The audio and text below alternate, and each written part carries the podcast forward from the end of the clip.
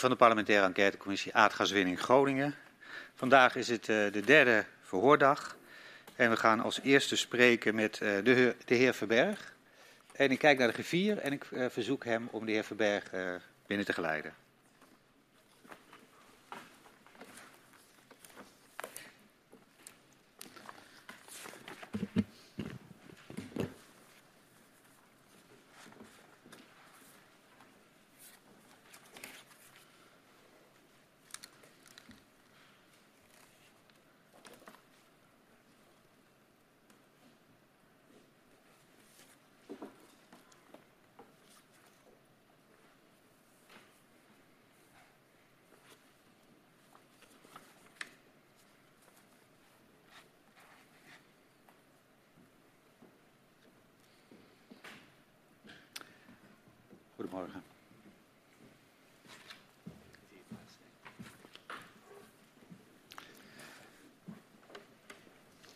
Van harte welkom, eh, meneer Verberg. En dat geldt ook voor uw begeleider, mevrouw Verhagen.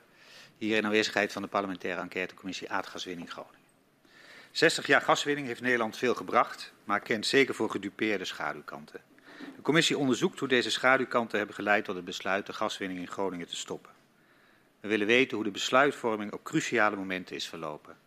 Hoe werkten publieke en private partijen samen bij de aardgaswinning? We onderzoeken de aardbevingen en de ontwikkeling van kennis daarover. De afhandeling van schade die veroorzaakt wordt door de bevingen en het proces van het versterken van gebouwen in de provincie Groningen.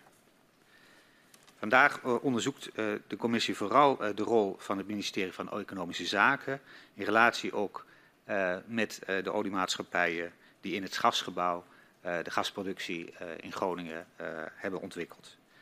U, meneer Verberg, bent in de jaren 70 en 80 ambtenaar, ook topambtenaar geweest bij Economische Zaken. En eind jaren 80 overgestapt naar de Gasunie, waar u ook hoofddirecteur bent geweest. en u wordt vandaag gehoord als getuige. En dit verhoor vindt plaats onder Ede. U heeft gekozen de belofte af te leggen en uh, de gehele waarheid en niets dan de waarheid te zeggen. En ik verzoek u daarom om te gaan staan. En mij na te zeggen, dat beloof ik. Dat beloof ik. Dan kunt u weer gaan zitten en staat u onder ede. Dit verhoor met u zal worden afgenomen uh, door uh, Barbara Katman en Judith Thiele. En Peter Quint zal mogelijk aan het einde van het verhoor ook nog enkele vragen stellen. En ik geef nu het woord aan Mevrouw Katman. Meneer Verberg, fijn dat u er bent. U heeft een lange staat van dienst, dus ik ga ook even flink de tijd nemen voor uw introductie. Uh, meneer Verberg, want u was van 1974 tot uw pensionering in 2004 betrokken bij de gaswinning in Nederland. En eerst tussen 1973 en 1988 op het ministerie van Economische Zaken, waar u tussen 1982 en 1988 directeur-generaal Energie was. Daarna ging u in 1988 naar de Gasunie waar u eerst vier jaar commercieel directeur werd en tussen 92 en 2004 was u 12,5 jaar hoofddirecteur en tegenwoordig zeggen we dan natuurlijk gewoon CEO. Um, in dit verhoor uh, willen we het met u hebben over een aantal zaken uit de vroege jaren, die van invloed zijn op het latere beleid en de omvang van gaswinning uit het Groningenveld. We vragen u daarbij ook een aantal begrippen kort uit te leggen. Dit maakt het verhoor beter te volgen uh, voor de mensen die niet zo'n achtergrond hebben als u. En um, we willen ook heel graag dat u, nou ja, als dat lukt, een beetje bondig te formuleren, zodat iedereen het goed kan, uh, goed kan meekrijgen. Uh, tijdens de vragen uh, komt in een korte terugblik ook de nota in zaken het aardgas, dus de nota de paus aan bod. Toenmalig minister De Pauw stuurt deze nota op 11 juli 1962 naar de Tweede Kamer. In de nota wordt de opzet van het gasgebouw besproken. Dit betreft de zo kenmerkende samenwerking tussen de Nederlandse staat en de oliemaatschappijen Shell en Exxon. Hoewel u niet betrokken was bij het opstellen van deze nota, willen u graag kort een paar elementen van deze nota voorleggen met de vraag hoe u dit ervaren hebt. Ook de verdeling van de gasbaten tussen de staat en de oliemaatschappijen komt aan bod. In de loop van de jaren is deze verdeling aangepast of is er een discussie gevoerd over wijzigingen. En dan wil ik met u uh, nou ja, eigenlijk meteen uh, starten bij uw tijd op het ministerie van Economische Zaken. Want zoals ik net al zei, u was hier werkzaam van 1974 tot 1987. U bent in 1974 door het ministerie van Economische, Economische Zaken gevraagd om de eerste energienota te schrijven voor de toenmalige minister van Economische Zaken, de heer Lubbers. Een turbulente periode volgend op de eerste oliecrisis en de autoloze zondagen in 1973. Hoe kwam eigenlijk die inhoud van die eerste energienota tot stand? Kleine correctie, ik heb helpen Help. schrijven. Hè? Dat waren twee andere ambtenaren, collega's, die uh, daarvoor hebben gezorgd. Um, de kwam tot stand uh, doordat uh, die drie ambtenaren als zeg maar het soldatenvolk alles en nog wat bij elkaar hebben gegaard, overdacht, beschreven. En de input van het beleid kwam met name van, ik zou zeggen uiteraard minister Lubbers, een hele dynamische, toen zeer jonge minister, die voor zijn eerste keer als minister uh, meteen werd geconfronteerd met een van de grootste energiecrisis uh, die, uh, die, er was. En de heer Lubbers, minister Lubbers, die had een adviescommissie ingesteld waar ja, de topshots die iets met energie te maken hadden bijeen waren. En die kwam, nou, laat zeggen eens in de maand of zo. bijeen om uh, de verschillende problem, uh, soorten van problematiek uh, met elkaar te bespreken. En daar was ik secretaris van, van die commissie. Dus en wie waren gaf... die topshots? nou, die topshots, dat was onder andere Has Bakker. dat was de voorzitter van de rechtsvoorganger van Tennet, dus de SEP dus die, dat was eigenlijk de vertegenwoordiger, als je dat zo mag zeggen, van de elektriciteitswereld. Jan Hoogland, uh, de toenmalige CEO van Hoogovens, dus voorganger van Tata. Uh, dat was Karel Zwart, dat was een lid van de uh, board van Shell wereldwijd, die zich met name met steenkolen bezig hield. Dat was een medewerker, de top-econoom van het FNV. Uh, dat was Sikkel Mansholt. Uh, en uh, nou, misschien dat nog wel iemand vergeet, vergeten ben. Maar het was niet een erg grote commissie. Het was een hele effectieve commissie in mijn herinnering. En degene die uiteraard ook steeds goed meedeed, was de secretaris-generaal Frans Rutte. Nou, die hoeveelheid brains bij elkaar, die zorgde voor een uh, stimulerende input voor het team van drie ambtenaren om de nota te schrijven. Uh, uiteraard kwamen er ook van onszelf uh, kwamen wel eens ideeën en die gingen dan naar boven de trap op, om het maar zo te zeggen. En zo is die nota in no time eigenlijk tot stand gekomen, want ik ben in, ik geloof februari zoiets, bij EZ gekomen om dus te helpen schrijven. En in september september van hetzelfde jaar 74 uh, is uh, de nota naar het uh, parlement gestuurd. En in die nota ja, staat nogal veel vernieuwend beleid. En dat allemaal als gevolg van die, dat olieembargo wat het Midden-Oosten oplegde aan in, in, eerste instantie twee landen, Amerika en Nederland. Ja.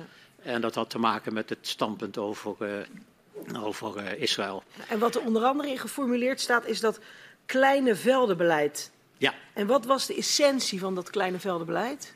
Uh, de essentie was dat gegeven de enorme uh, maat van het Groningerveld, maat qua uh, te winnen gasreserves, en de hele bijzondere uh, geologische karakteristiek van dat veld, namelijk dat men heel makkelijk kon oppompen en uh, de kraan weer wat dichtdraaien en weer voller opendraaien als uh, de markt daarom vroeg. om dat Groningenveld zo lang mogelijk als er zijn altijd condities aan als redelijkerwijs te doen is, ook vanuit economisch oogpunt, te hanteren als strategische buffer en blaasballig, ademend uh, flexibel uh, instrument om te zorgen dat uh, de gasmarkt werd voorzien zodra de gasmarkt om gas vroeg. En dat daarmee het Groninger gasveld eigenlijk achteraan in de rij stond en dat eerst de kleine veldjes de mogelijkheid kregen om te produceren. En GasUnie werd verplicht om de aangeboden kleine veldjes in te kopen. Dat uh, ieder klein veldje wat werd ingekocht, betekende natuurlijk dat er vanuit Groningenveld minder werd geproduceerd. Want het beschikbaar komen van een klein veldje is niet per definitie een uitbreiding van de markt. Uh, of zeker niet als uh, de markt eigenlijk verzadigd is. Ten slotte het hoogtepunt uh, van de gaspenetratie waren we geloof ik op iets van 98,5 procent, 99 procent van de gebouwen in Nederland die, die hingen aan het gasnet. En waarmee overigens en passant ook, wil ik even opmerken, eh, dat daarmee de leveringszekerheid zo ontzettend belangrijk is geworden. Want als je een land hebt met maar een veel geringere penetratiegraad van aardgas als uh, energievorm voor de koken, warm water en uh, verwarming van je huis. En je hebt dan geen gas, dan ga je naar je buurman die hout stookt of steenkool of olie. Maar in Nederland hoefde je niet, uh, zeg maar sinds de jaren 73, 74 naar een buurman of buurvrouw te gaan als er een gasverstoring was. Want uh, die had ook dan een verstoring. Ja, dus... Want die voorzieningszekerheid, daar wil ik even met u naartoe. Want u zegt, die kleine velden die waren belangrijk. Want dan ook juist voor dat Groningerveld. Want, want dan konden we daar ook eigenlijk zo lang mogelijk mee doen. Ja. Uh, en dan moesten we dus ook op die kleine velden gaan inzetten. En dan zegt u even de, voorzie de, de, de, de, voorzieningszekerheid. de voorzieningszekerheid. Ja. Um, wat, wat, deden die kleine velden voor die voorzieningszekerheid? Waarom, waarom was dat allemaal belangrijk in, in verhouding tot elkaar? Omdat de, omdat de kleine velden, die zorgden zeg maar, voor het volume. Die werden vaak met een, uh, met een uh, capaciteitsfactor van twee derde of daaromtrent werden die uh, leeg geproduceerd. dat was een constante productie van die kleine velden. Dat gaf grote voordelen voor de integriteit van het, gas, van de, het gasveldje, waardoor er minder kans ontstond dat daar uh, laat zeggen, waterinflux uh, kwam of iets anders. Uh, wat je liever niet hebt als producent-eigenaar van zo'n klein veld. En dat gas werd door Gasunie ingekocht gemengd of bewerkt totdat het de Groninger kwaliteit had. Dus dan ook met de Groninger kwaliteit en met het Groninger gas vermengd kon worden. En dat ging naar wie dan ook maar de gaskraan opendraaide. En u zei al van met die, met die nota, we werkten met nou ja, dan, uh, de, de hotshots, zeg maar. En dan was er een klein team ambtenaren. En minister Lubbers, die, uh, die, die, deed ook uh, Nogal goed mee. mee. Ja. Um, waren er ook nog verschillen? Van, hè, want het kleine veldenbeleid werd, werd ingezet. Waar, vonden die oliemaatschappijen, waren die het allemaal met u eens met wat u opschreef in die eerste energienota? Uh, ik heb daar niet een herinnering aan dat er grote problemen waren, behalve op het onderwerp uh, kernenergie, wat ook in die energienota kwam, hè, waar minister Lubbers voorstelt twee, drie kerncentrales van 1000 megawatt daaromtrent gaan bouwen. Dat heeft een heleboel soezag gegeven voordat ook dat hoofdstuk rond was. Toevallig was ik daar ook de schrijver van, net zoals voor het gashoofdstuk. En uh, al die andere dingen, die liepen eigenlijk uh, in mijn herinnering uh, heel normaal. Ja, discussie, maar niet grote spanningen of zo heb ik, heb ik ervaren. Wim Bogers natuurlijk, de, de, grote Wim Bogers van DSM, die zat uiteraard ook in, de, in die commissie. echt. Maar zaten ja. er bedreigingen in? Want ik kan me voorstellen, je hebt eerst gewoon de focus op dat Groningerveld. En dan ook voor die uh, voorzieningszekerheid uh, belangrijk. De kleine velden kunnen we langer met dat Groningerveld doen. Dat er misschien iets in die business cases van die oliesmaatschappijen kwam. Waar ze ons dachten, nou, dat vinden we niet zo prettig. Nee, het aardige is, en dat is toeval. En dat moet je soms helpen en soms zit het tegen. In dit geval waar u naar vraagt, uh, hielp het dat Shell Esso, oftewel de NAM, die had ook meerdere concessies voor kleine veldjes. dus als je een kleine veldenbeleid als regering introduceert, dan is dat non-discriminator voor een ieder die een klein veldje heeft. Dus ook voor de olies die kleine veldjes aandroegen om door Gasunie ingekocht uh, te worden. En dan was er bovendien uh, nog een verschil in afdracht tussen de oude kleine veldjes van voor 62 geloof ik dat was, uh, en de, het Groninger veld qua afdracht aan de staat. want die kleine veldjes die waren iets van 50%, terwijl het Groningerveld had een staatsafdracht van 70 en later is het dan verhoogd. Dus op die manier ik heb het, het is niet met een schaartje te knippen, eh, maar we hebben het allemaal over uh, vrij grote bedragen. Uh, kon iedereen tevreden zijn, dus ook de olies, die waren ook tevreden dat uh, hun kleine vuiltjes met voorrang en met die, dat gemak van een hoog, althans een, een, een, een, constante of vrijwel constante capaciteitsgebruik, die 67% of daaromtrent, dat dat werd leeggeproduceerd. Ja. Dus ik, waren geen, waren geen, uh, geen uh, problemen. En zoals in de nota de paus al was afgesproken of, of vastgelegd, DSM had al besloten om uh, mee te gaan doen met aardgas. Dat hebben ze ontzettend, vind ik in ieder geval, slim gedaan. Want ze hebben hun stadsgasbedrijf hebben ze ingebracht in het gasunie gebeuren. En hebben daarvoor in ruil hebben ze DSM aardgas opgericht en kregen een belangrijke rol. En dat was natuurlijk erg uh, makkelijk in de zin dat ze 100% staat waren uh, op dat, uh, in, die, in die tijd. dat daarmee de staat 100% eigenaar werd en bleef van, de concess, van, de, van datgene wat ze al, al hadden. En uh, dat als er door DSM aardgas werd geparticipeerd in een kleinveld, want dat was het gebruik, uh, eh, 40% eerst, dat is later 50% geworden, uh, was dat meteen van de staat via de trap, via de trap van DSM aardgas. Dus DSM heeft zich daarmee een, een, een hele comfortabele positie verworven in het gasgebouw. Het enige bedrijf wat, naar mijn smaak, ja, een uh, domme beslissing heeft genomen, althans toen, dat zegt niks natuurlijk meer over nu, dat was Hoogovens. Want ook Hoogovens had een stadsgasbedrijf waar het hoogovergas in, uh, in uh, werd vermarkt naar de omgeving. Die hebben ook het aanbod gekregen om mee te doen met het gasgebouw. En Hoogovens heeft toen in hun afweging besloten om het eh, van de hand te doen en niet te participeren in het gasgebouw. Ja. En u zei net al even, dat triggerde ook even, want de, het waren dus allemaal partijen, die, daar is ook iets aan gevraagd. En de ene is ingestapt en de ander niet.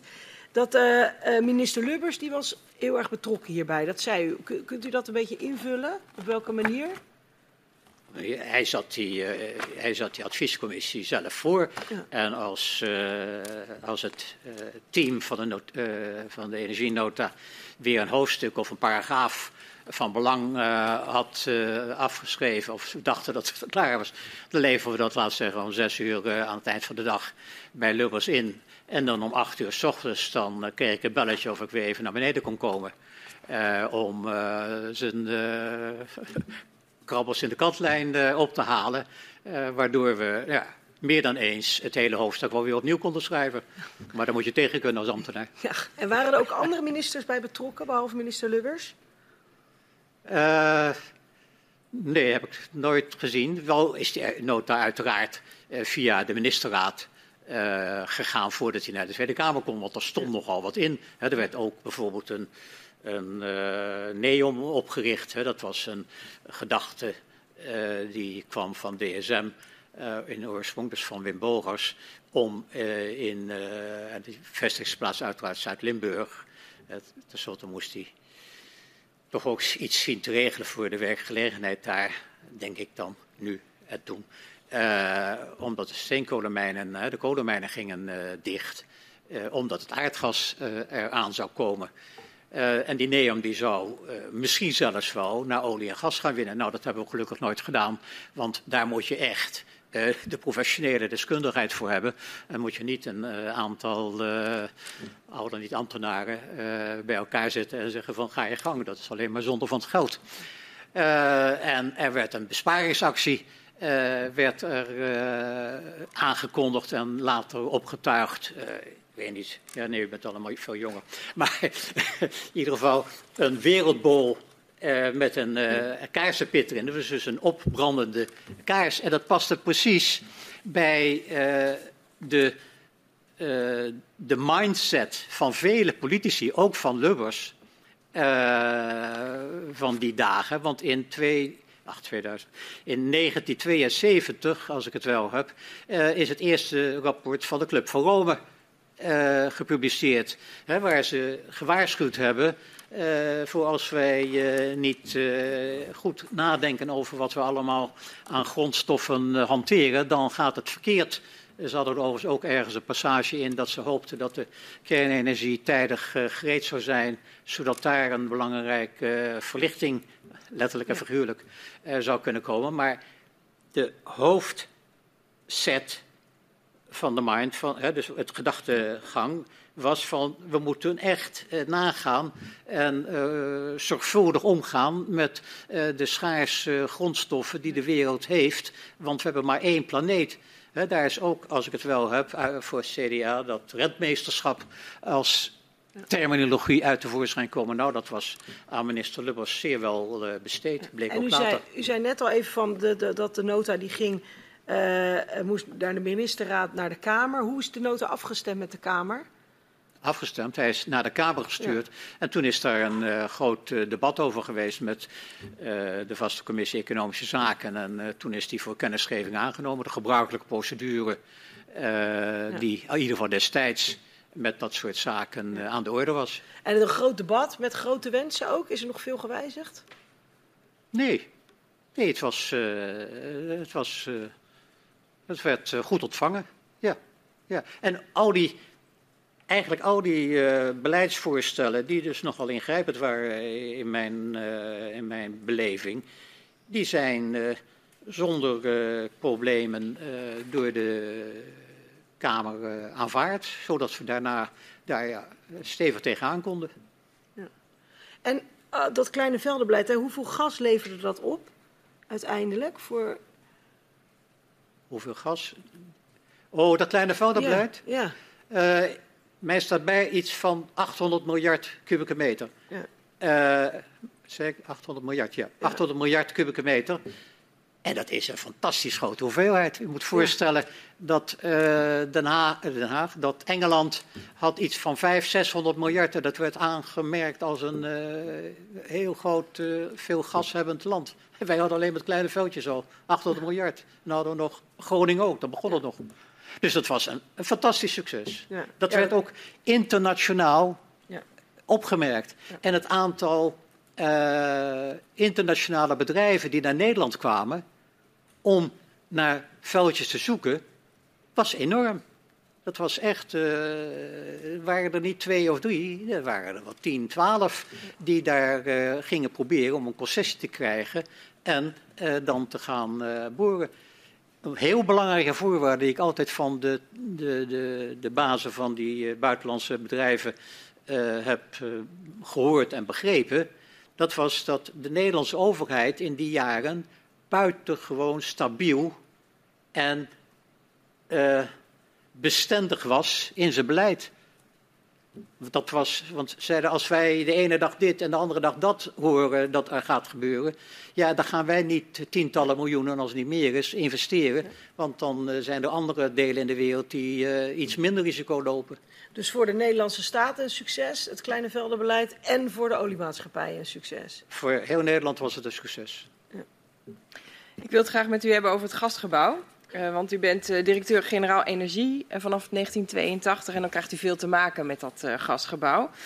en um, u zult zich ook inderdaad in die nota de pauze, die al eventjes langskomt, hebben verdiept. Dus daar willen we wat dieper op ingaan. Um, in hoeverre vormde die nota, de nota de pauze, in uw jaren als directeur-generaal het uitgangspunt voor het beleid? Dat was een onderdeel van het uh, beleid, dus of het uitgangspunt noemt, vind ik ook prima. Maar het was, zo, zo, het was zoals het was. En dat was in 63, 64 uh, met elkaar uh, uitonderhandeld. Uh, en daarmee werd er ook een, een hanteerbaar einde gemaakt aan een hele indringende politieke discussie mm -hmm. in Den Haag uiteraard. met name ook binnen de Partij voor de Arbeid. Want als ik me wel herinner was Vondeling uh, was uh, een warm voorstander om de hele zaak te nationaliseren. En Den Uyl uh, die vond dat net niet nodig. Die wil wel, wilde wel een hele uitdrukkelijke rol spelen als staat in het ontginnen van Groningen, waarvoor dan uiteindelijk dat gasgebouw is vormgegeven. Maar een totale nationalisatie zag hij niet als de, de beste weg voorwaarts. dus daarmee werd er een een heel duidelijk punt gezet in dat soort discussies en was er geregeld wie welke rol en in welke mate zou spelen binnen, het, binnen het gasgebouw. En waarom is dat ook belangrijk? Omdat toen die discussie in dat gasgebouw werd neergeslagen, was uitgekristalliseerd, toen kon er ook inderdaad het hele ontwikkelproces plan mm uh, ten uitvoer worden ge, uh, gebracht. Want er moest nogal wat gedaan worden. En ik denk dat bijvoorbeeld als ik naar dat rapport van, die, van de Raad voor de Veiligheid kijk, dat ze dat gewoon niet begrepen hebben. dat er was gekozen om het aardgas in Nederland de leidende brandstof te laten zijn. En dus de kolenmijnen dicht. Moet je je voorstellen dat je tegen Zuid-Limburg uh, even zegt van de, de, kolenmijnen gaan dicht. Dat was een ramp ja. die daar zoveel mogelijk moest worden verzacht met allerlei uh, steun vanuit Den Haag. Met name natuurlijk geld voor arbeidsplaatsen op een andere manier te realiseren. En voor de transitie van DSM als steenkolenbedrijf uh, naar een oorspronkelijk uh, basisgrondstoffenbedrijf. En daarna meer de fijnere chemie en nu weer wat anders. Dus dat zegt... betekende dat er gekozen is om van Zeeland tot Friesland en Groningen een ieder van aardgas te voorzien en de steenkolen en petroleum en diesel om die uh, eruit te faseren op een of andere manier. Dat betekende ook dat er een bepaalde aanpak gekozen moest worden voor het uitrollen van het pijpleidingsstelsel. Je gaat niet een klein, laat zeggen, 8-inch pijpje uh, van het Groningenveld naar Assen leggen om uh, dan vervolgens na vijf jaar, hé, hey, in Zwolle willen ze ook wel gas. Nee, er werden trunklines, die hele grote uh, pijpen van wel 40 inch die werden gelegd, die werden uitgerold met veel lasters uit, ik geloof Algerije. Uh, die, uh, dat was een, een, een, fantastische stoomtrein, zonder stoom, uh, die door Nederland ging. En daarvoor was ook een marketingconcept. Want u kan zich voorstellen dat als je een hele zware pijp, die zeer kostbaar is, in Nederland uitrolt, dan moet je zorgen dat het zo snel mogelijk geld gaat opbrengen. Dus je moest zorgen dat die pijpen gingen naar plaatsen waar veel vraag naar gas zou zijn. Dat betekende in de praktijk of een elektriciteitscentrale die op gas kon, die moesten in veel gevallen nog gebouwd worden. Maar je kon ook, en dat is ook voor gekozen, een soort industriepolitiek bedrijven door her en der een fabriek naartoe te lokken om daar te gaan uh, bouwen, waardoor er heel veel gas meteen gevraagd werd. Dus DSM ging in de, wat was het, kunstmest. Er uh, werd een hele grote uh, fabriek gebouwd. Uh, die was toen nog van DSM. Dat was het makkelijkste, kon ze zelf doen. Waardoor de pijp van noord naar zuid meteen een enorme vulling had om DSM te voorzien. In Zeeland werden er verschillende grote, het grootste is van Douw, nog steeds in is het, Terneuzen, werd er gebouwd met een enorme afname van gas. En uh, die andere jaren, ik was zoiets, de kunstmestfabriek, ook in Zeeland, enorme afname van gas. En dat waren de afnemers van gas die het acceptabel maakten en ook financierbaar maakten om die enorme dure uh, trunklines van GasUnie, Veld of het Groningenveld naar het zuiden en naar het oosten en naar het westen, om die uh, inderdaad uit te rollen. En pas daarna, als het ware, zijn er allemaal kleinere uh, verbindingen gekomen om allerlei dorpen en stadjes enzovoorts, uh, om die te verbinden. Ik geloof de laatste was Ameland of zo, dat was een feestje.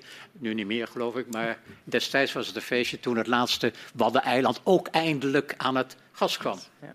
Ja. Nou, dat is waarom het een succes was. Ja, u, u zegt uh, er moest nogal wat gebeuren en er is ook inderdaad dus al heel wat uh, gebeurd. Um, um, maar, en u zegt ook van hè, de, die nota de paus was niet zozeer het uitgangspunt van het beleid, maar eigenlijk een onderdeel uh, van het uh, beleid. En in die nota de paus, want daar wil ik dan weer even naar terug, wordt ook gesproken over de noodzaak om een winning en afzet nauw uh, gecoördineerd te houden. Ja. Kunt, kunt u mij vertellen wat dat betekent? Nou, ik heb het net bij implicatie ja. al geduid. Ja. Hè, dat je niet een aantal techneuten een mooie pijp laat leggen als niet, niet tegelijkertijd gezorgd wordt voor zowel aan de productiekant, dus de NAM, dat daar het gas wordt gewonnen wat nodig is om uh, die uh, pijpen te gebruiken. En aan de marketingkant, dus GasUnie, om te zorgen dat er ook inderdaad mensen, bedrijven, uh, actoren zijn die dat gas willen kopen. Dus dat was een heel, ja, een soort Zwitsers uurwerk wat precies bij elkaar moest komen om te zorgen dat er geen geld werd verkwist. Ja. En wat was nou het ingewikkeldste om dat zo nauw gecoördineerd te houden? Of dat ingewikkeld was? Ja, wat, of wat het meest ingewikkeld was daaraan? Ja, ik heb daar geen ingewikkeldheden uh, in, in, voorzien, uh, voorzien bemerkt, anders dan dat ieder van de stakeholders, en dat waren dus in die end de twee olies en de staat, dat die wisten dat ze met gigabelangen bezig waren. Mm -hmm. uh, het, uh, het, was geen speelgoed, het was uh, zeer serieus. En dat betekende dat er een. hoe zou ik dat zeggen? Dat is in mijn directie gas destijds. Ja. Hè, daar had je pitbulls en terriers en die dan uh, wel eens uh, verhit naar me toe kwamen van de olies zijn nu weer daarmee bezig. En uh, we moeten daar toch eventjes... Nou, dan gingen we de hele zaak weer eventjes goed tegen het licht houden. En hadden we even een stevig, of even, hadden we een heel stevig gesprek met de olies. En omgekeerd zou het ook gebeurd zijn dat dan de staven van de olies elkaar opzochten van... Nou, wat EZ nu denkt te kunnen uithalen, dat is tegen onze belangen op een te forse wijze. Dus daar gaan we tegenin. Ja. Dus er werd uh, heel pittig uh, met elkaar omgegaan, op één uitzondering na. En dat Naar was? buiten toe, stiff upper lip en eenheid. He, wat, wat de normale burger vaak verwacht van een kabinet. Eén beleid. Ja, ja. En, en, daar wil ik zo nog even met u op uh, terugkomen. Maar eerst, uh, u noemde belangen. En ik ben even benieuwd welke belangen, wat, wat uh, speelden er allemaal? U zei er zijn allemaal grote belangen. Welke belangen waren dat bijvoorbeeld? Ja, als u. Het laatste is natuurlijk, het laatste is natuurlijk het eh, dat het om geld gaat. Maar dat mhm. is natuurlijk te makkelijk voor u, omdat, eh, want dat, dat hoor ik de hele tijd, dat het alleen maar om geld ging. Maar het ging erom dat de machine zo effectief mogelijk draaide. Dat is ook weer het voordeel dat je met als dat je een public-private partnership hebt gesloten. Een joint venture was het tussen de staat en de olies, met DSM erbij als geweldige hulp voor de staat. Om te zorgen dat het niet verambtelijkte, maar dat die kostbare bonusschat op een hele efficiënte en effectieve wijze werd ontwikkeld en ten goede van de verschillende stakeholders uh, werd, uh, werd ingezet. En dat is in ieder geval in de tijd dat ik erbij betrokken mocht zijn, naar mijn overtuiging gelukt. En die belangen van die stakeholders, die soms dus botsten, maar naar buiten toe, zei, met een stif upperlip. dat is altijd een hele belangrijke geweest. ik geef u daar één klein voorbeeldje van op een andere manier. Mm -hmm. Wij hadden bij GasUnie een fantastische directeur communicatie en pers, Ben Warner. En ieder jaar zo in november vroeg ik aan hem: Ben, hoeveel centimeter krantenkolom heeft GasUnie in de krant gestaan en hoeveel centimeter krantenkolom heeft de SEP met zijn elektriciteitsgebeuren in de krant gestaan. En dan waren we allebei hartstikke tevreden als wederom wij het minst waren. Want wij wilden geruisloos het publiek van dienst zijn en verder geen toestanden. Geen toestanden.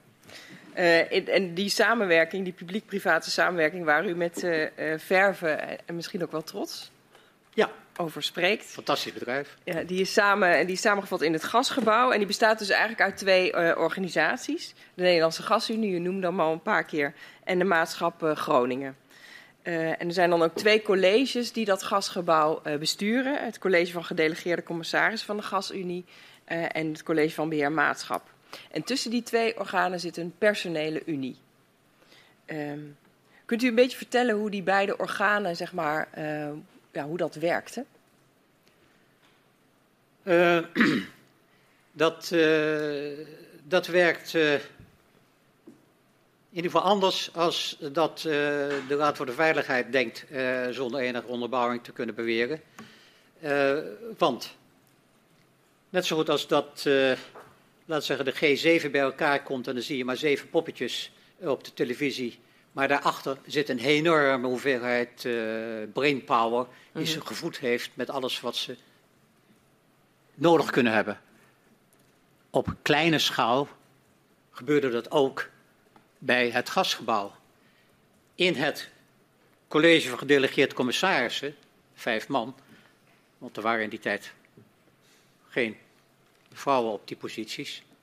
Dus één van Shell, één van ESSO, twee van eh, DSM en de directeur-generaal Energie.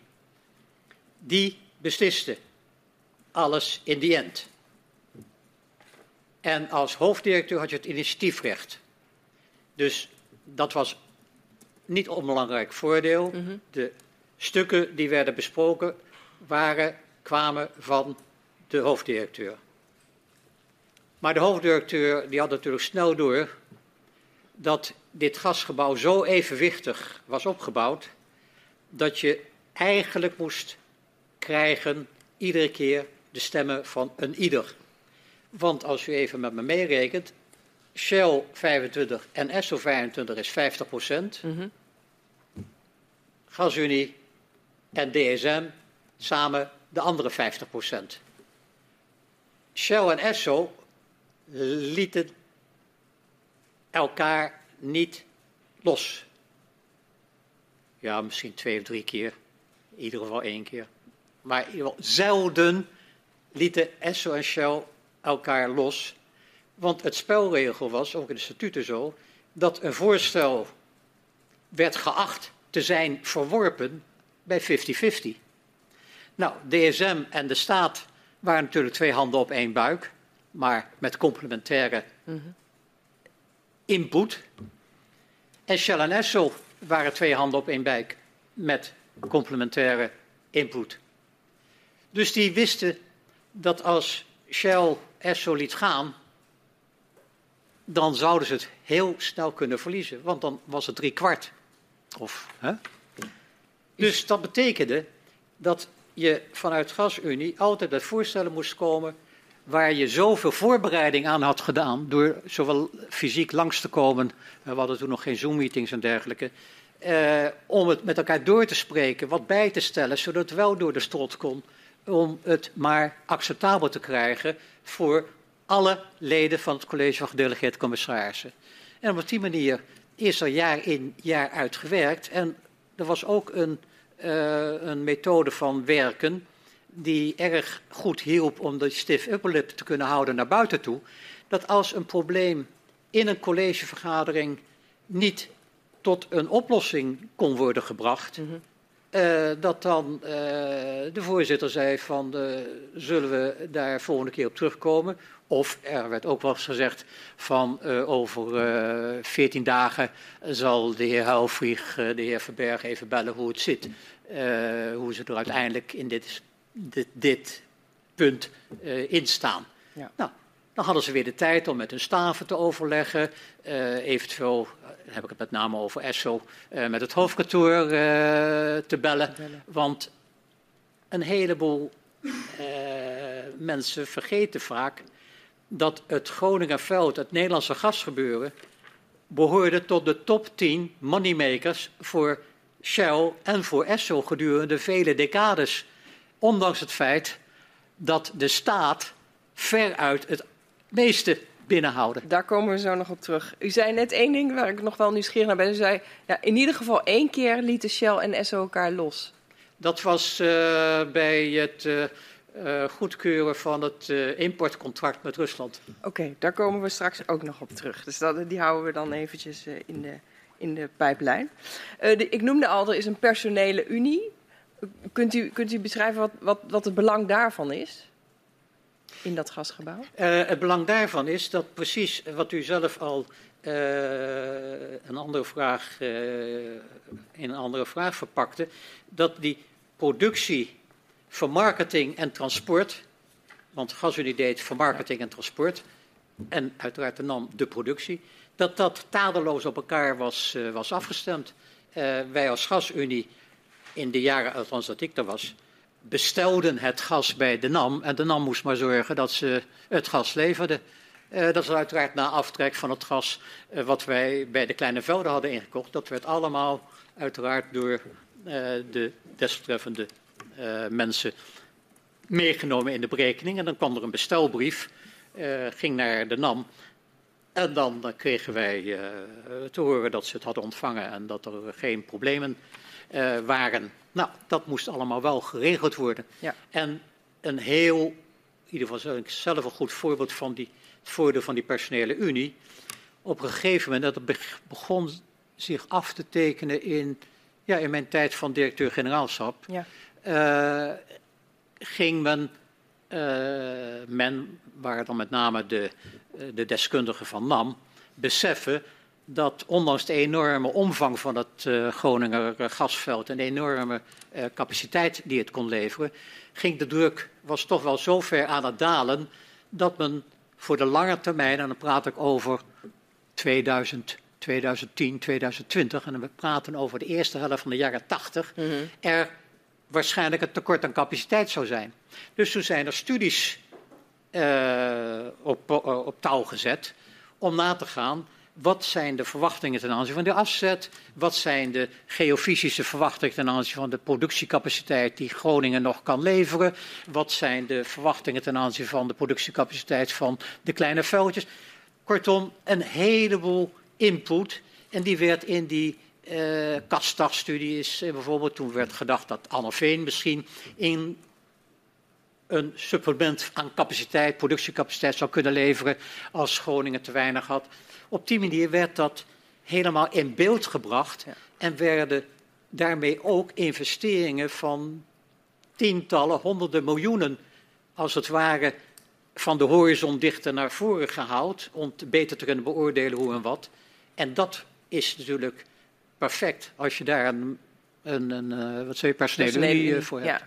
Ja, dus de coördinatie van die winning en afzet was niet alleen voor het moment nu, maar ook voor het ver vooruitkijken. Ja, ja, om te zorgen dat dat gas ook goed... De bergingen Norge Grijpskerk, daar is al begonnen in begin jaren tachtig. Voortkomend uit... uit uitrekenen ervan enzovoort. Ja.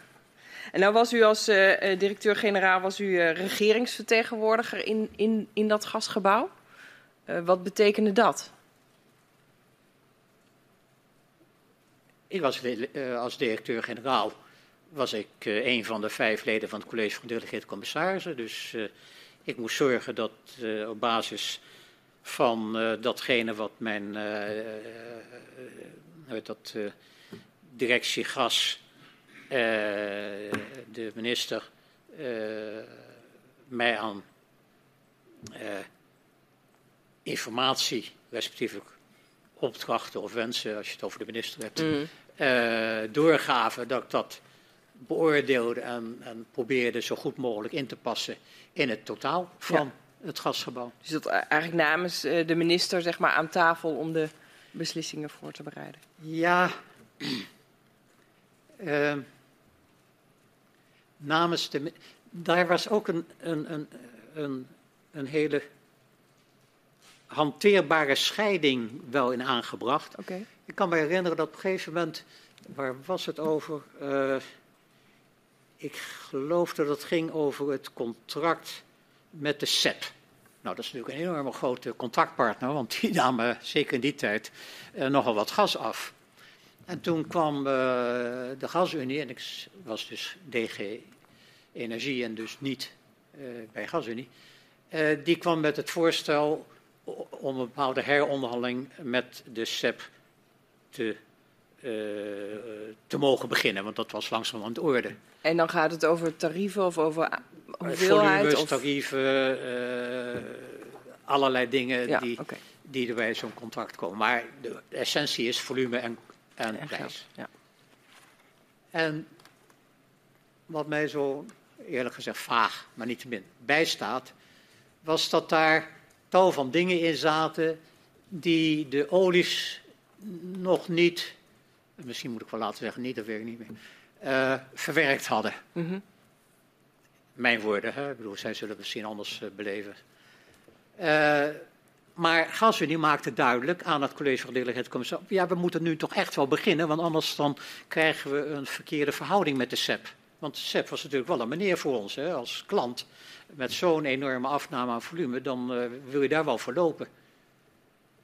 Toen is daar de oplossing voor gevonden dat de college van delegeerd commissarissen, dus ook inclusief de twee vertegenwoordigers vanuit uh, de aandeelhouders Shell en Esso, daarmee akkoord gingen, omdat er ook werd afgesproken, en daar trad ik dan even op als ambtenaar van de minister, mm -hmm. van dan gaat u als olies naar de minister om uw pijnpunt, over de afdracht was dat iets, te bespreken. Zo hadden we dat uit elkaar gehaald, hè, zodat zij en ik samen met de twee DSM'ers gewoon onze rol als gedelegeerd commissarissen van de NV Gasunie Mm. konden blijven volvoeren. En dat dat niet werd vermengd op het verkeerde moment Ja, ja. met iets anders wat des aandeelhouders was, namelijk de olies en de staat, over iets van een uitwerking op de afdracht. Ja. Nou, prima oplossing. Ja, dus je zegt, probeert echt de rollen te scheiden, zeg maar, om uiteindelijk. Uh, um, maar het was ook soms ook wel lastig om die rollen te scheiden, wellicht.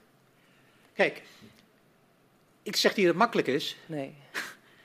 uh, maar er zijn hele duidelijke spelregels met elkaar afgesproken. En je moet dus mensen hebben, het is als het ware een bus met een hele gecompliceerde motor. Uh, de regering heeft destijds in die, via de nota de paus en de inrichting van het gasgebouw hebben ze de spelregels vastgesteld. Uh, de Kamer heeft dat uh, aanvaard. De minister heeft tal van bevoegdheden. Het plan van gas afzetten goedkeuren. Ieder importcontract moet goedgekeurd worden door de minister. Het prijsspel moet worden goedgekeurd door de minister. Dus het algemeen belang in de wijze van in de figuur van de minister van Economische Zaken, die ook daar door de Kamer aanspreekbaar is. Kijkt u maar eens naar de, wat was het, uh, schriftelijke vragen ter voorbereiding van de mondeling -hmm. overleg met de Economische Commissie van 83, iets van 50 of daaromtrent. Dus de Kamer kon alles en nog wat vragen. De minister had precies een aantal bevoegdheden die ik net, uh, net noemde. -hmm. Misschien ben ik nog wel eentje vergeten. Ja, ik ben er zeker één vergeten. Uh, en dan moet je gewoon zorgen dat op die bus met die gecompliceerde motor, die moet voldoen aan alle verkeersregels die de minister en het kabinet en de Kamer hebben gesteld, dat daar een chauffeur in zit die kan rijden. En die chauffeur was dan? Nou, in het geval van de minister van het EZ was dat de directeur-generaal van Energie. Ja. En dat was natuurlijk uh, ja, de voorzitter raad van bestuur van DSM en uh, de voorzitter uh, Shell Nederland, en noem hem op. Ja. Um, dan uh, wil ik met u um, uh, ook weer even naar die nota de paus. Want u had het net al even over die speciale bevoegdheden uh, van de minister van Economische Zaken voor de afzet en de verkoop van aardgas. En die bevoegdheden die zijn vastgelegd in de privaatrechtelijke overeenkomst tussen de staat en de gasunie in 1963. Dat is weer trouwens een andere overeenkomst, zeg ik even als bijsluiter erbij, dan de samenwerkingsovereenkomst.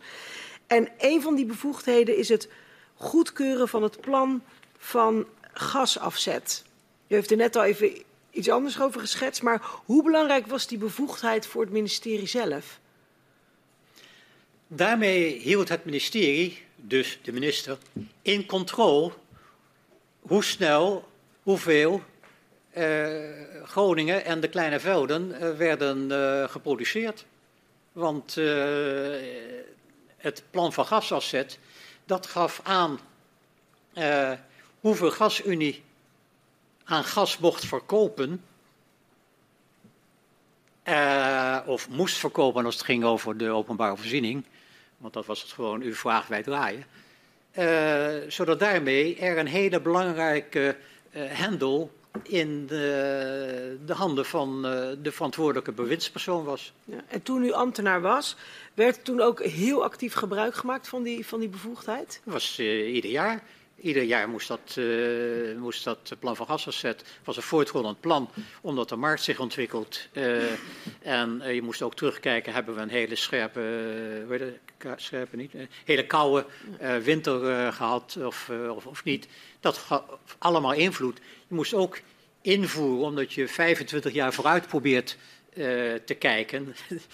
Ik kan misschien zeggen Mission Impossible, maar toch deden we het. En omdat het ieder jaar werd herhaald, viel het wel mee. Je moest inzetten wat voor olieprijs uh, we verwachten en wat voor olieprijsstijging of daling we verwachten, wat voor economische groei we verwachten. Dus dat was een enorme activiteit van GasUnie met de staven van de aandeelhouders van GasUnie om te zorgen dat de beste inzichten die we bij elkaar konden brengen en met elkaar in, uh, in, in, harmonie konden brengen, want dat was uiteindelijk natuurlijk wel noodzakelijk, anders kan er niet één plan komen. Er is altijd maar één plan gekomen, gelukkig. Uh, dat daarmee je naar de minister kon gaan om uh, te zeggen, heer minister, dat deed je dan als ambtenaar weer, uh, van dit zijn de veronderstellingen die we hebben gehanteerd. Nou, kon hij dat, als hij dat wilde, niet dat ik dat gemerkt heb dat dat gebeurd is, maar het zou me kunnen worden dat aan de directie AIP even werd gevraagd van zijn die groeicijfers in lijn met wat het Centraal Planbureau verwacht voor Nederland en Europa. Nou, prima. Dus kon de minister besluiten of hij wel of niet het zou goedkeuren. Nou, ik, mij staat uit mijn periode als directeur-generaal Energie één keer bij dat de minister een heel uitdrukkelijk verzoek had gedaan om iets niet echt helemaal uitgewerkt op te nemen in het plan van gasafzet. En dat was toen we met de uh, nieuwe exportronde uh, zouden gaan beginnen. Omdat de minister, en dat was uiteraard door uh, zijn ambtenaren hem voorgesteld om het zo te, te hanteren. Uh, niet de Europese gasmarkt even wilde vertellen van we hebben zoveel miljard voor u klaarstaan, komt u eventjes te halen. Ik ga daar zo nog even bij u op terugkomen. Ik heb nog wel even een vraag, want u zei uh, er was gelukkig altijd maar één plan, maar er waren wel twee versies van hetzelfde plan. Een openbare en een vertrouwelijke. Ja, nogal Wiedes. Waarom was dat? Waarom is dat nogal Wiedes? Dat is Wiedes en dat is daar kan ik mij inderdaad met uh, permissie hoor, me best aan ergeren. Het was een bedrijf in concurrentie met bijvoorbeeld de Noorden, met de Russen en met eh, LNG uit Algerije.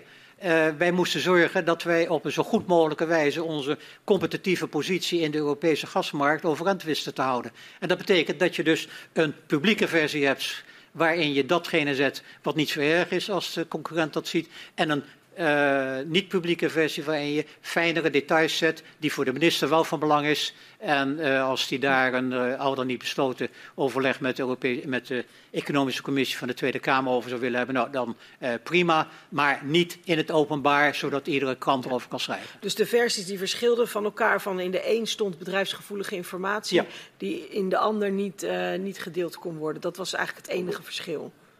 Ja, ja. En um, uh, hoe keken eigenlijk Shell en Exxon tegen die verschillende versies aan? Vonden ze dat moeilijk? Dat werd, dat werd ja. in, in, uh, in uh, overleg, want het was toch ook hun company met een ja. gasafzetplan. De minister had de goedkeuringsbevoegdheid en zonder die goedkeuringsbevoegdheid kon GasUnie niet gaan doen wat er in gevolge dat gas, plan van gasafzet gedaan zou moeten worden. En dus kon ook de NAM dan niet gaan doen wat er gedaan moest worden. Dus dat was een essentieel onderdeel in het totaal van. En was er dan bijvoorbeeld wel zo'n oneenigheid van wat er dan wel in het openbare mocht staan of niet?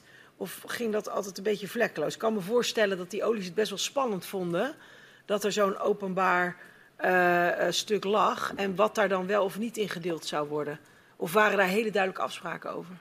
Nee, want ieder plan van gasafzet zou wel weer iets bevatten wat dan voor die keer nieuw is of zo. Eh, een andere, een andere raming van de olieprijzen of zo, of van de economische groei. Daar werden best uh, goede discussies gevoerd, maar gewoon tussen professionals discussies.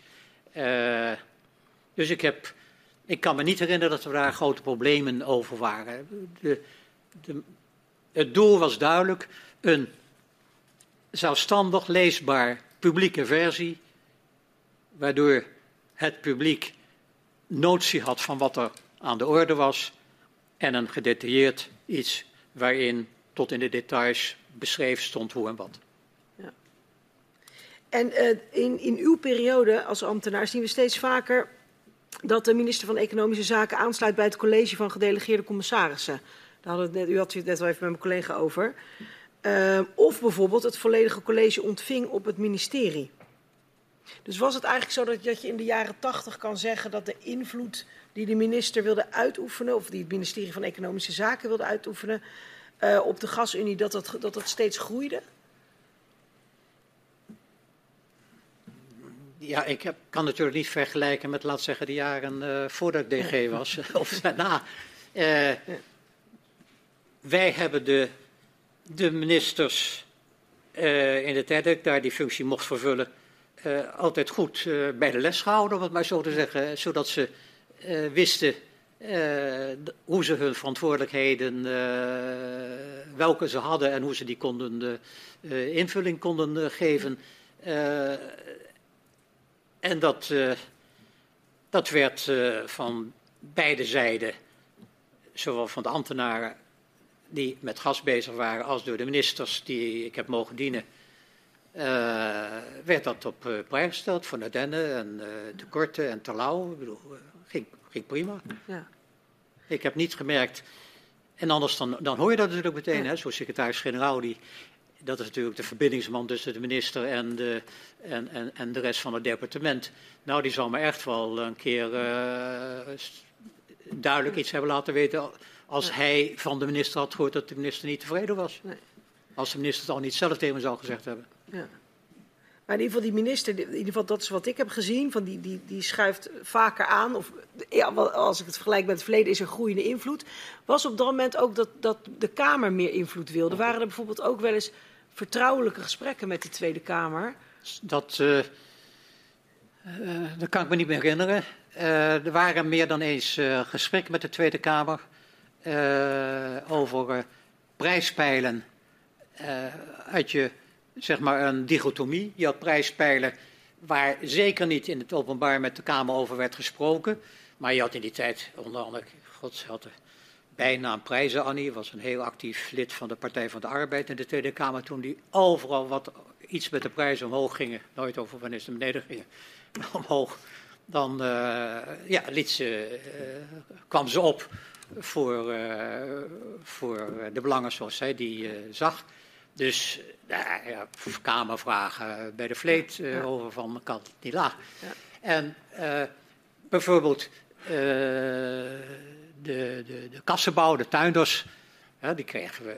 Het zij via LTO, het zij via het ministerie van Landbouw en Visserij. stuurde Brox een, heet die Brox, geloof ik wel. of Brox, Brox. Uh, de toenmalige minister van Landbouw, die stuurde een blauwe brief naar, uh, naar uh, wat was het, Koos van Andriessen.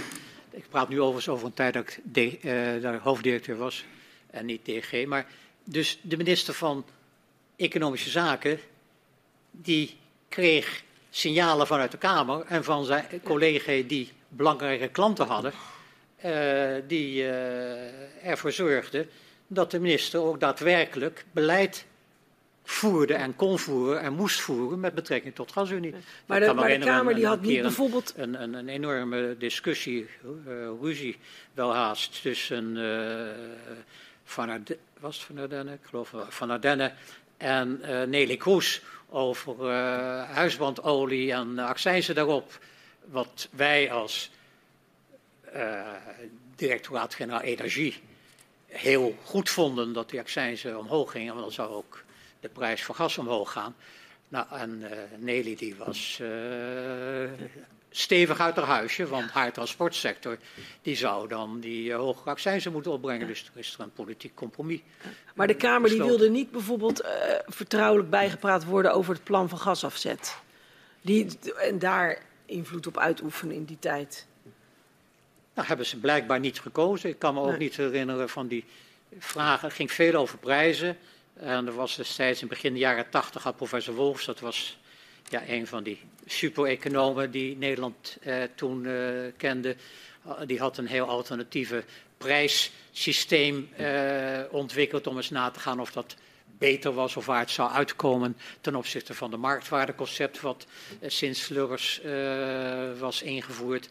Uh, dus HBO-pariteit en, en HBO-pariteit en stookoliepariteit. Nou, hoe het zij, dat weet ik niet, want dat is uiteraard aan die professor. Maar de resultaten van die studie van professor Wolfs waren buitengewoon aardig passend bij het andere concept. Hè. Dus je had twee verschillende paradigms en ze kwamen ongeveer op hetzelfde neer. Nou, dan heb je geen probleem. Nou, prima. Dus hoeft de minister geen uh, moeilijke uh, toestanden nee. te gaan ondernemen. En wat ik net zei, die minister die schuift dus aan uh, bij dat college van gedelegeerde commissarissen. Of het college komt naar het ministerie. Um, Meestal was het college ging naar het ministerie. Ja, ja is eigenlijk doorgaans. Um, hoe actief was daardoor de minister betrokken bij contractonderhandelingen over de export van, uh, van het gas?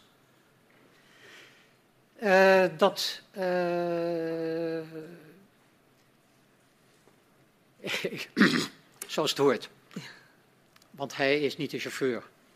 Hij is de minister met zijn specifieke bevoegdheden.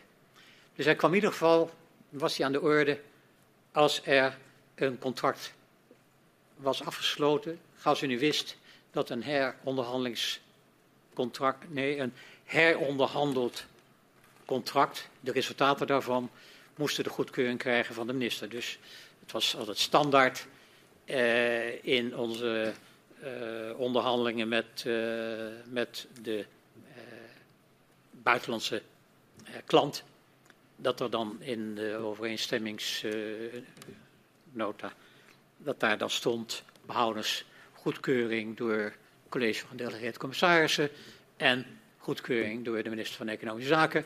En dat wordt dan geregeld voor, nou, laten we zeggen, drie maanden later of zo. Want met de minister weet je het nooit wat er allemaal kan gebeuren.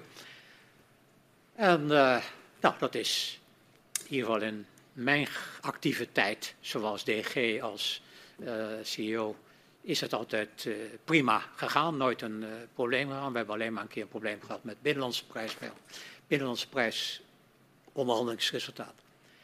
Uh, heel vaak kreeg de minister ook vooraf een kort overzicht van wat de inzet zou zijn van uh, de heronderhandelingen, zodat hij op de hoogte was en als hij in dat overzicht van wat is de summary van waar we voor gaan als uh, gasgebouw, dat hij daar de vragen over kon stellen of uh, opmerkingen over kon, uh, kon maken.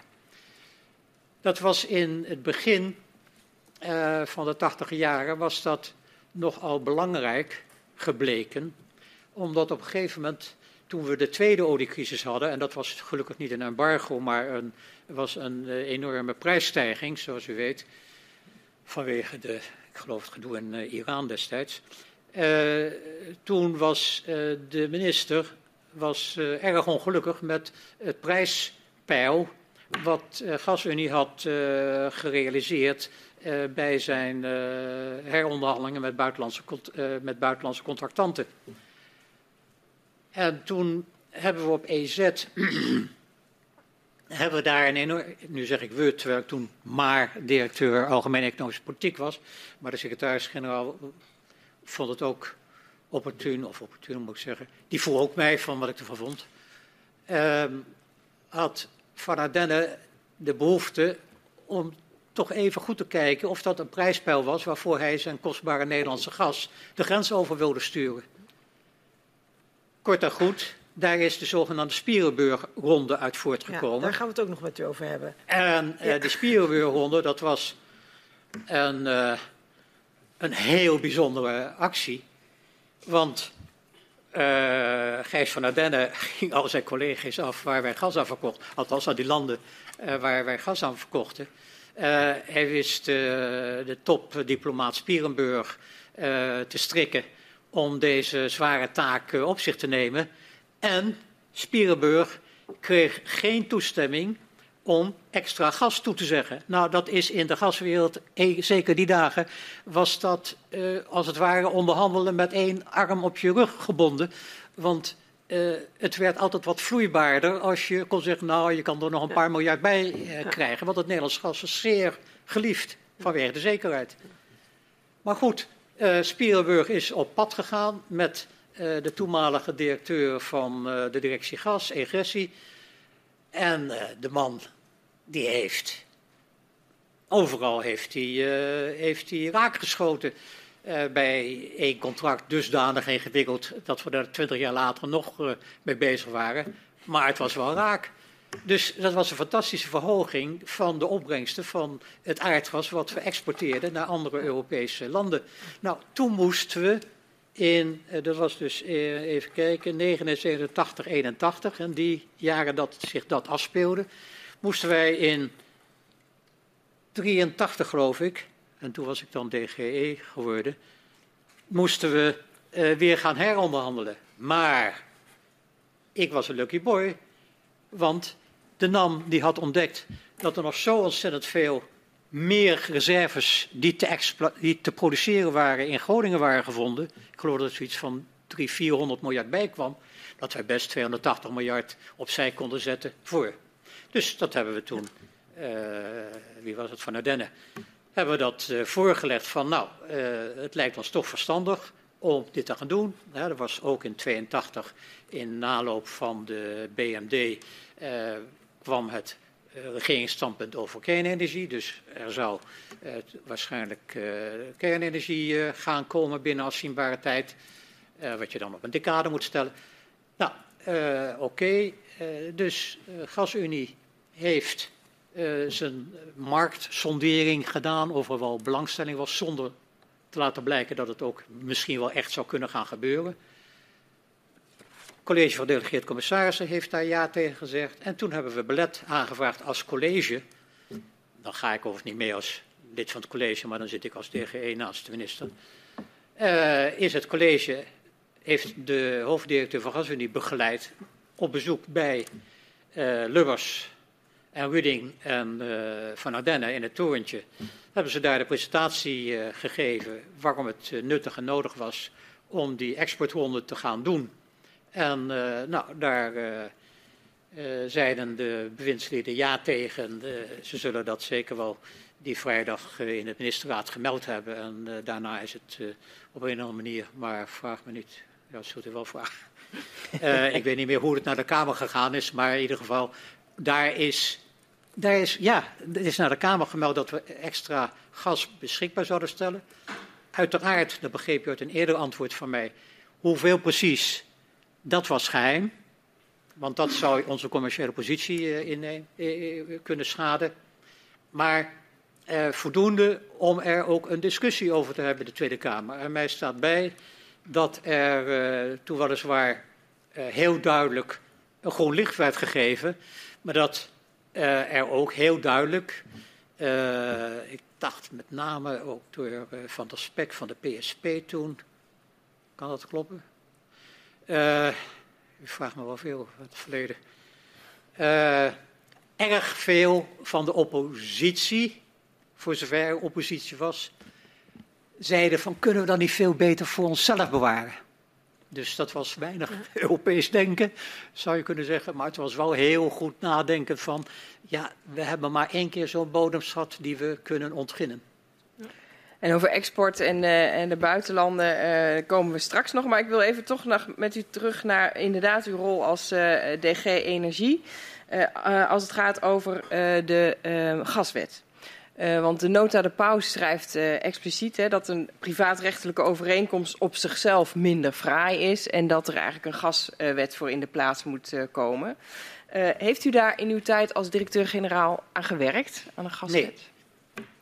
En wat is de reden dat u dat niet heeft gedaan? de, mijn wet uit 1806, de enige toen nog bestaande Nederlands geldende wet in het Frans geschreven uh, vonden wij een hogere prioriteit hebben. En omdat ieder departement en ieder directoraat wel een, een begrenzing heeft in zijn man menskracht, uh, is het de mijnwet geworden. Oké, okay, dus u zegt er was eigenlijk meer tijd en aandacht nodig om die, mijn, die mijnbouwwet uit 1806 uh, Weer naar, de, naar, de, ja. naar de huidige tijd te brengen.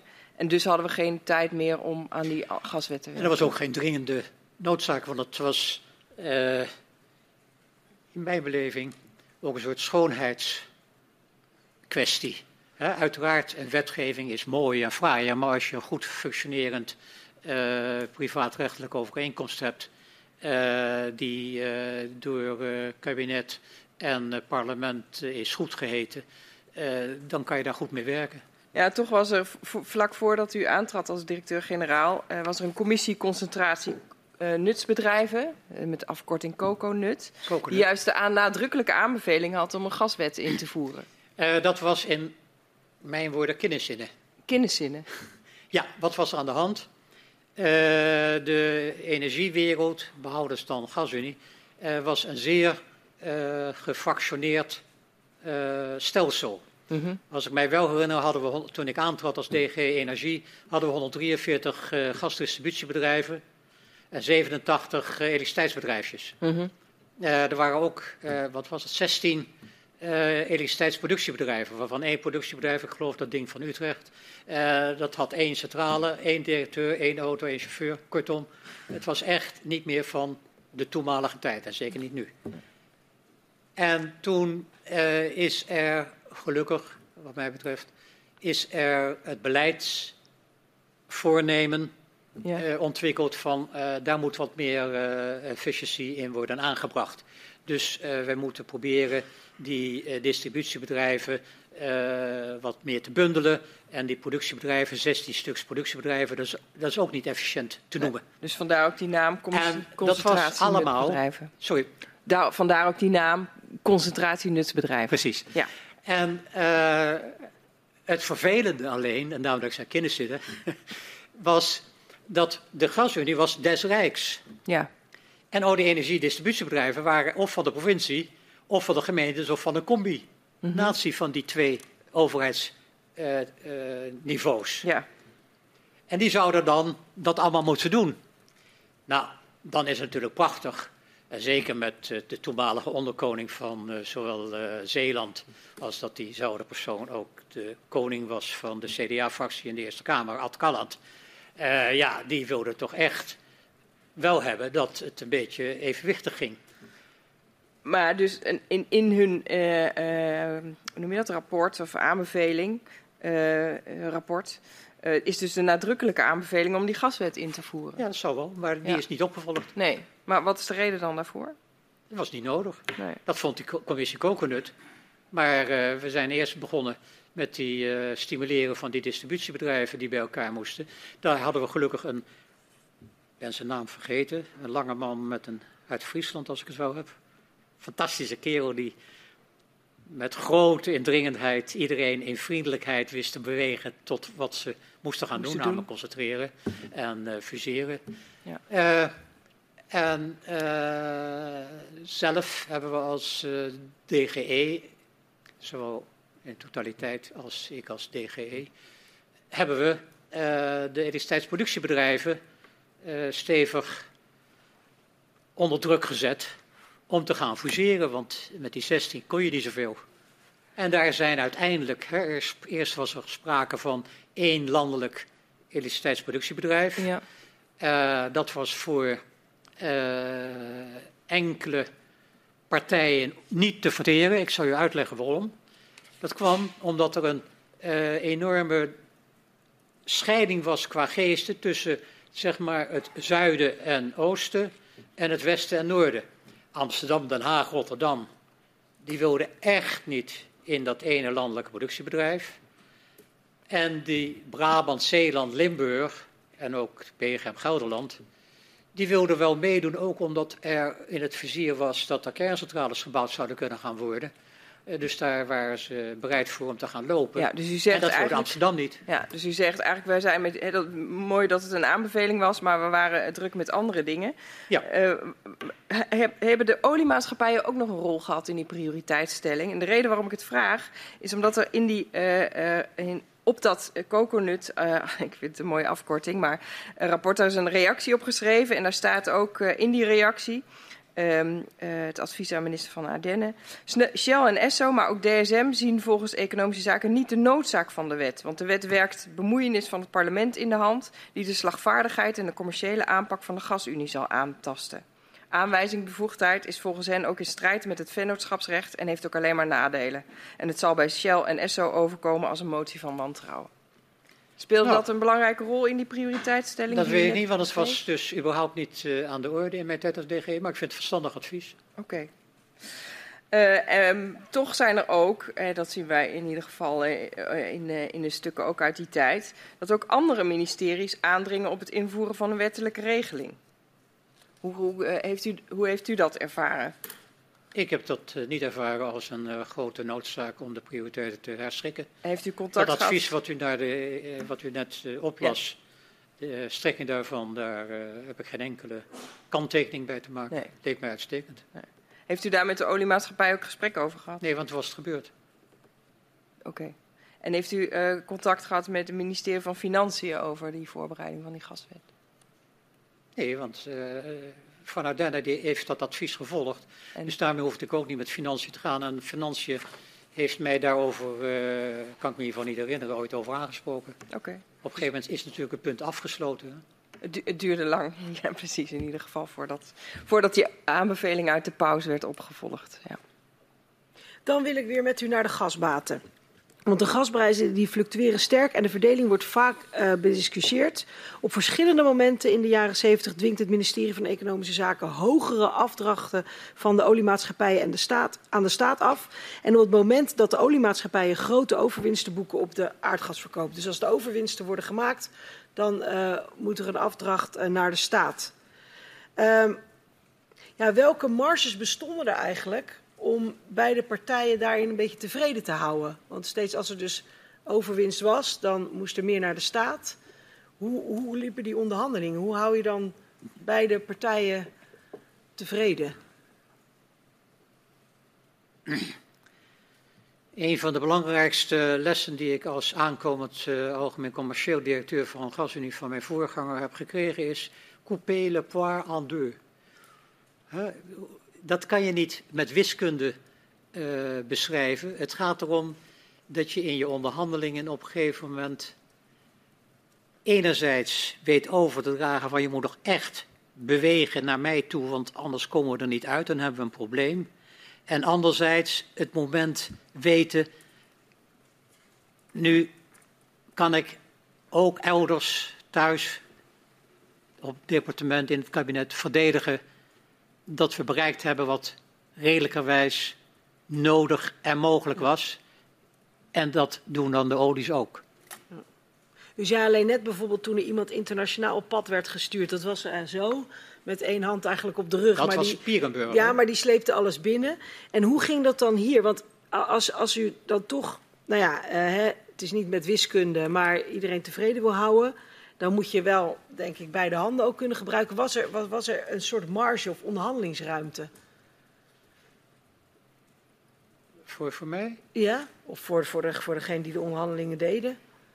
Natuurlijk, ja. ja. De, de, de, de, de heronderhandelingen en onderhandelingen over een gascontract, en dan praat ik met name over de, de exportcontracten, uh, die uh, gingen aan de hand van een mandaat en daar deden we wel een half jaar over voordat we dat door het college van gedelegeerde commissaris goedgekeurd kregen. Uh, en dat we geen signalen hadden gekregen van EZ dat de minister daar nog over wilde praten. Dat, uh, dus dat was een hele intensieve sessie. daar werden ook rollen, hoe heet zoiets?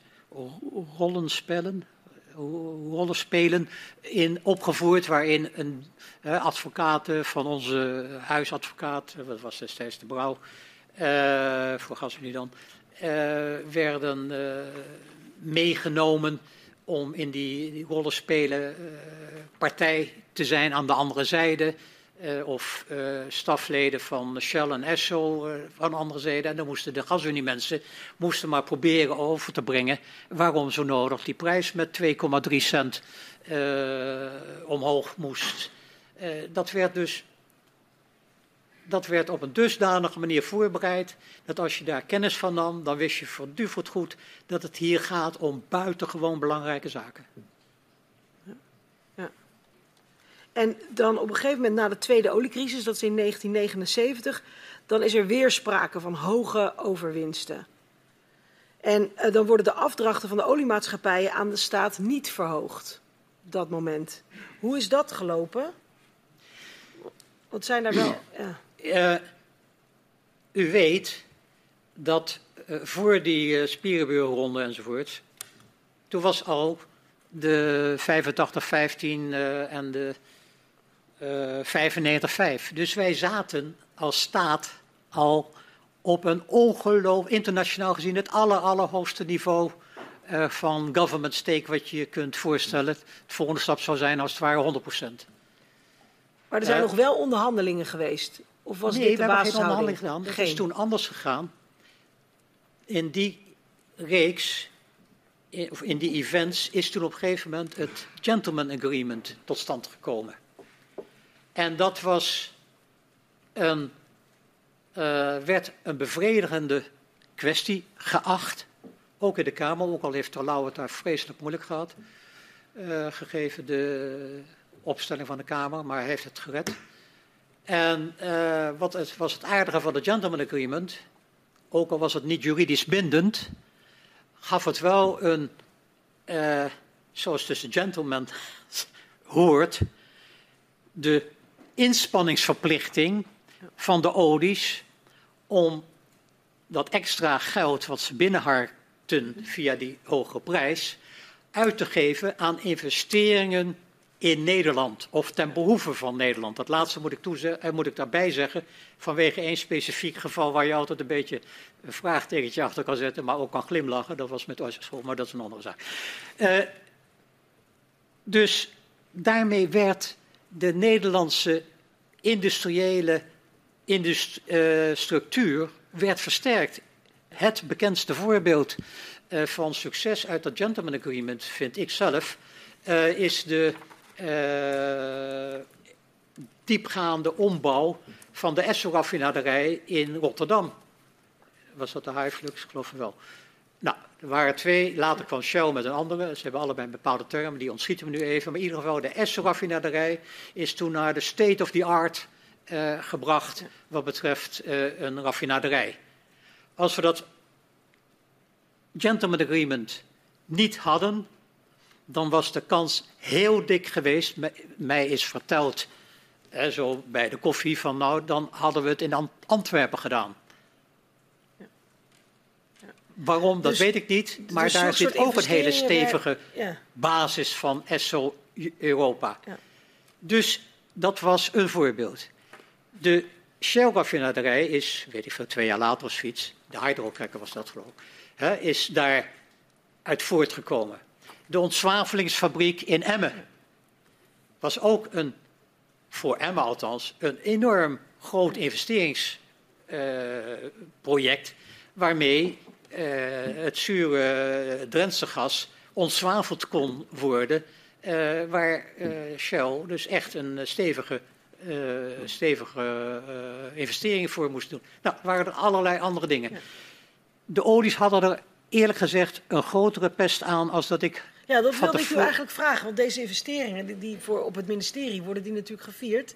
Maar waren die olies net zo blij met de Gentleman's Agreement? Nee, dus het was een goed, een goed onderhandelingsspel geweest van de minister dat hij dat er toch uit heeft weten te krijgen.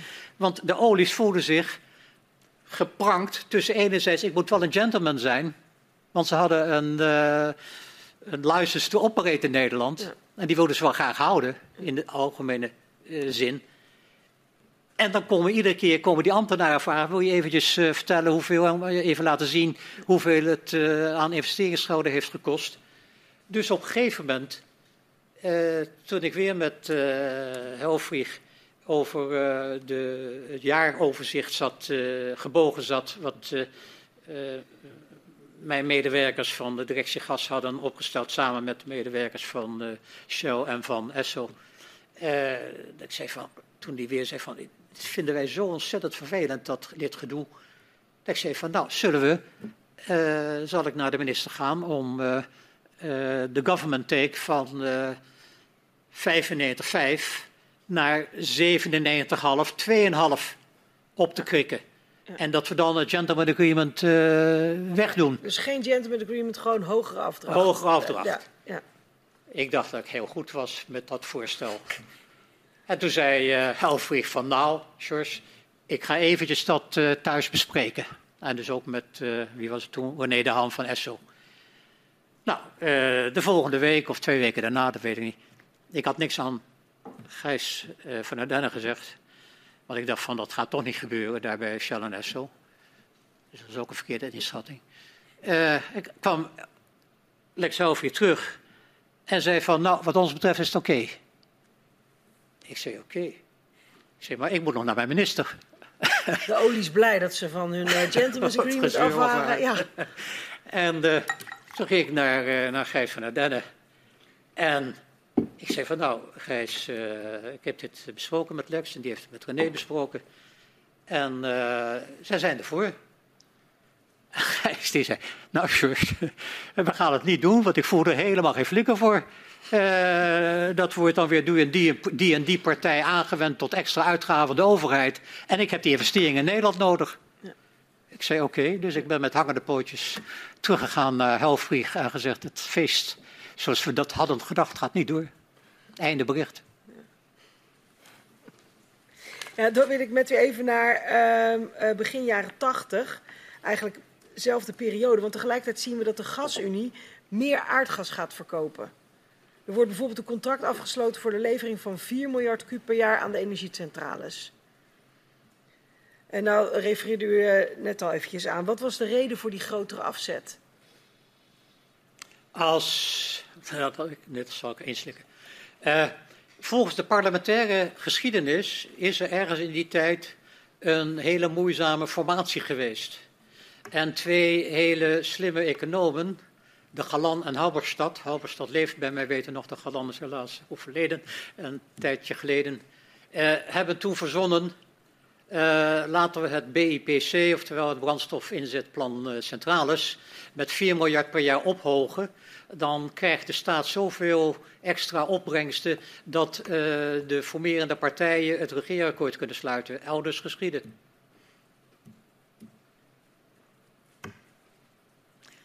Ja, zo, zo is het dus Moet u toch weten. Ja. en hoe is het toen gegaan dan met die extra baten? Nou, gewoon volgens de, volgens de gebruikelijke verdeling. En daar zat de staat natuurlijk eh, al prima met pakweg gemiddeld eh, 80, eh 82, 18 of zoiets. Eh, heeft eh, de staat geld gekregen. Nou, en die 4 miljard klopte met het, wat uiteindelijk bij de staat terecht zou komen, met het tekort wat. Waar is informateur of formateur? Het zullen wel informateurs geweest zijn. Wat ze berekend hadden dat ze nodig hadden om, die, om dat eh, regeerakkoord rond Ja, te dat was gewoon breien. dat financieringstekort in het, onder het regeerakkoord. Ja. En dat kon je gewoon mooi met die 4 eh, miljard kuub Ja. van dat eh, eh, Ja. ingelost worden. Dat voer je dan met uh, Groningsgas. Ja. Ik heb nog een paar vragen over het, eh, eh, over, het departement. Hè, want onder, als directeur-generaal eh, Energie had u meerdere directies onder Ja. uw, eh, eh, onder uw eh, ehm, ehm, ja, hoeden. ja, precies. Um, maar we hebben uh, het idee, of we hebben gehoord, begrepen dat uh, maar een kleine groep mensen binnen, dat, uh, binnen die directies toegang hadden tot de vertrouwelijke stukken van het gasgebouw. Klopt dat? Jazeker. Alles wat des gasgebouw was, was bij de directie gas. Dat past ook precies bij de opzet van een joint venture met een commerciële insteek. en in het uh, directoraat-generaal Energie kwam dat wel vaker voor dat de ene directie. je, er was de stijl, what you need to know, niet what you like to know. Ja, en u zegt alles rondom het, naar de kantine brengen. Ja, u zegt alles rondom het gasgebouw. Welke stukken moet ik dan bijvoorbeeld aan denken? Welke informatie moest dan vertrouwelijk blijven? Ik heb dat fysiek niet verstaan. U, u zei hè, alles rondom het gasgebouw. En, en welke stukken, welke... Uh... Van het college van gedelegeerde commissarissen en uh, van uh, de maatschap. En ook alle stukken van alle andere oliemaatschappijen die concessies hadden in, in Nederland verkregen. want het werden rondes mm -hmm. uit, werden er ingesteld. En dan konden oliemaatschappijen die uh, een concessie wilden krijgen, moesten dan uh, stukken indienen. Nou, dat uh, werd dan ingediend bij het, de directie mijnbouw, waar dat onder, onder viel. en dan werd dat bekeken door de directie en dan ging het naar de mijnraad om te kijken of de mijnraad daar een, een oordeel ze gingen in ieder geval een oordeel over geven, maar of ze er een goedkeurend oordeel over konden geven. En dan uh, ging het naar de minister, het hele pakket met onze mm -hmm. bevindingen van het departement van de Mijnraad. En eventueel, uh, als er een hele ja. bijzonder iets was, uh, ging naar de minister op, met ons advies om de concessies op die en die manier toe te delen aan die en die. Ja, ja. Daar was uiteraard ook steeds EBN bij betrokken, EBN, sorry, destijds DSM Aardgas. Want daar zaten ook wat meer mensen die uh, verstand hadden van, uh, van mijnbouw, upstream. Dus op die manier ging dat. Bij de elektriciteitsdirectie ging het over het BEPC en allerlei andere dingen. Want wat was het belang dan, zeg maar, om dat vertrouwelijk of achter gesloten kastdeuren te houden?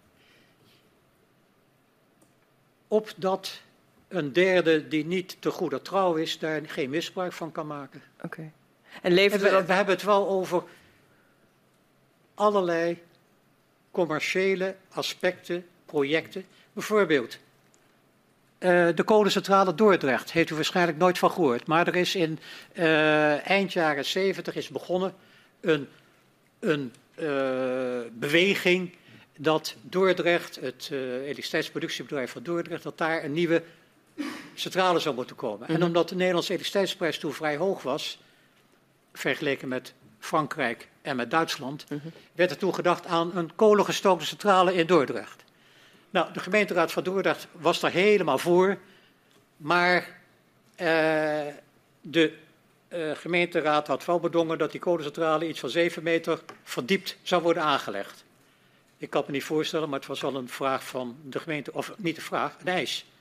Dus de SEP die had aan mijn directeur uh, elektriciteit verteld van nou, we nemen op in het elektriciteitsplan, dat was ook zo'n 25 jaar plan met alle investeringen, onder andere waar nieuwe centrales zouden komen, dat er een kolencentrale zou komen in Dordrecht. En uh, dat was aanstaande om afgehamerd te worden in de Raad van Commissarissen van de SEP, de samenwerkende elektriciteitsproductiebedrijven. Uh, en dan zou het gepubliceerd worden. Ja toen kwam ik als DGE bij DGE binnen. Ja. Dus in de eerste twee weken word je helemaal ingepraat over wat allemaal aan heikele punten zijn, die snel uh, zaak hebben.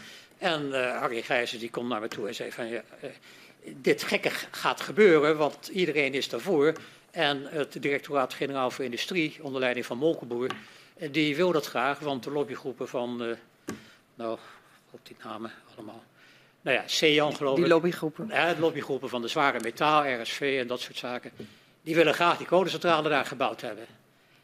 Dus toen vroeg ik aan uh, Harry Gijzers. Ik zei, nou leg me eens uit, wat is, zijn de gevolgen voor de stroomprijs? Want ik wist uit mijn uh, algemene EZ zijn dat de elektriciteitsprijs voor de industrie in Nederland veel te hoog was.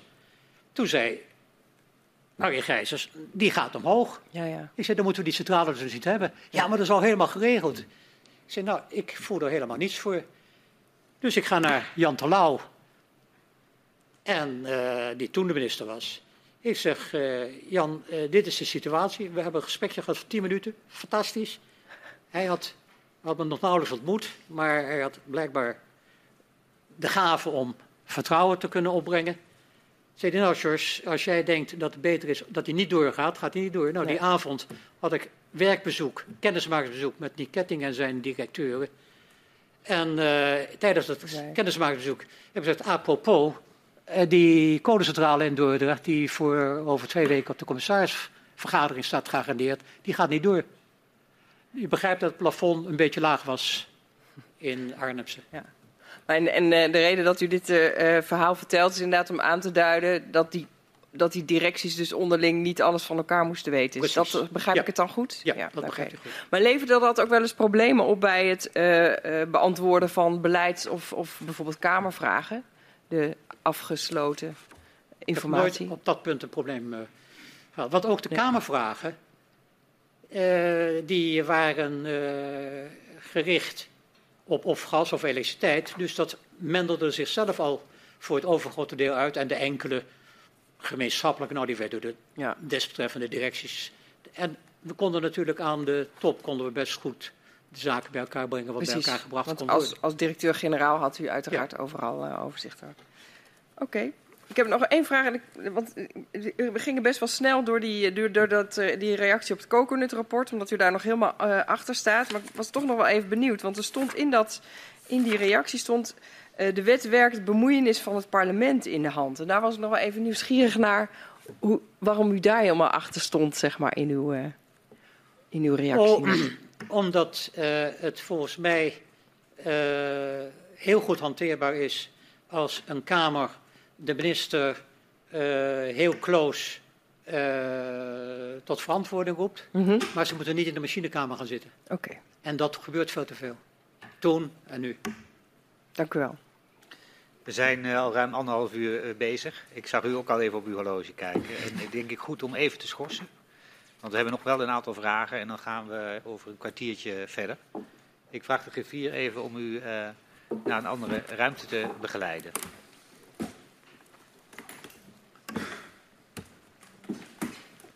Even, even staan, ja, verrichten. Ja.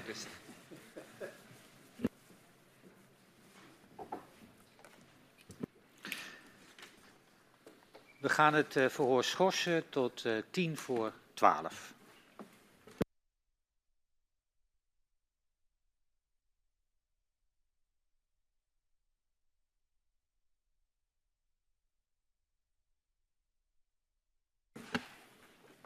Ik heropen uh, het verhoor met de heer Verberg en ik vraag de griffier meneer Verberg weer naar binnen te begeleiden.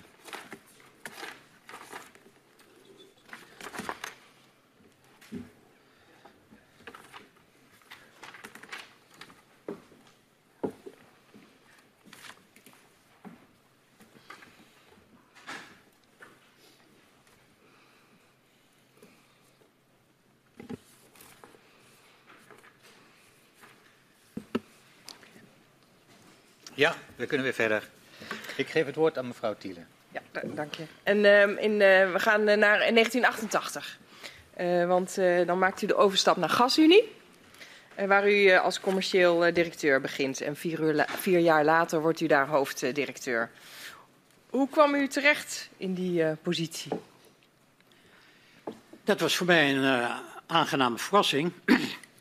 um, Toen het uh, gasgebouw werd opgericht en uh, GasUnie werd opgericht als een van de sequelen daarvan, uh, hebben de aandeelhouders ook afspraken gemaakt over hoe de top van GasUnie eruit zou zien. DSM had het prerogatief om de hoofddirecteur voor te dragen. Mm -hmm. Er moest een voordracht worden van twee personen, mm -hmm. want de minister moest uiteindelijk een keuze hebben. Dus u zult in de geschiedenis van GasUnie een aantal hoofddirecteuren zien die uit het DSM-nest komen. De algemeen procuratiehouder die de commercie onder zich zou krijgen, er was een afspraak dat die zouden komen op voordracht van Essel, dan wel van Shell, alternerend. Nou, en de heer Rissik kwam uit het Esso-nest. Mm -hmm. Dat was de situatie, dus ik had er helemaal geen oog op, want uh, dat was aan DSM. En de algemeen procuratiehouder voor commercie uh, was aan, uh, nou, Shell zou aan de beurt zijn. Ja. En toen werd ik verrast met de vraag van Shell of ik die positie van algemeen commercieel directeur zou willen innemen. om de reden die ik u net gaf, was ik dus zeer verbaasd en uh, ja, eerlijk gezegd verheugd, want ja. uh, het was weer eens een nieuwe uitdaging. Zes jaar DGE zijn is fantastisch, had nog wel langer gekund, maar ik was er wel zeker van dat ik dat niet tot mijn pensioen met evenveel plezier en enthousiasme zou kunnen vervullen. Dus, U beschrijft heel mooi die, die, afspraken die er gemaakt zijn. Waren dat afspraken die vastgelegd waren, waren en, en publiek papier, bekend? waren op papier, ja. oké. Okay. Dus dat was vrij formeel. Toen ja. heb ik het volgende bedacht, twee dingen. A, natuurlijk het thuisfront. Nou, dat werd geregeld uh, door mijn lieve vrouw. Uh, maar ik had nog een ander punt waar ik iets wilde regelen. Want ik heb ook altijd wel ambities gehad. Toen heb ik de voorzitter van de Raad van Bestuur van DSM, Hans van Liemt, heb ik gevraagd, gezegd. Ik, zei, ik wil best naar GasUnie nu komen. dan moet ik twee stappen in de, naar beneden toe, op de hiërarchieladder.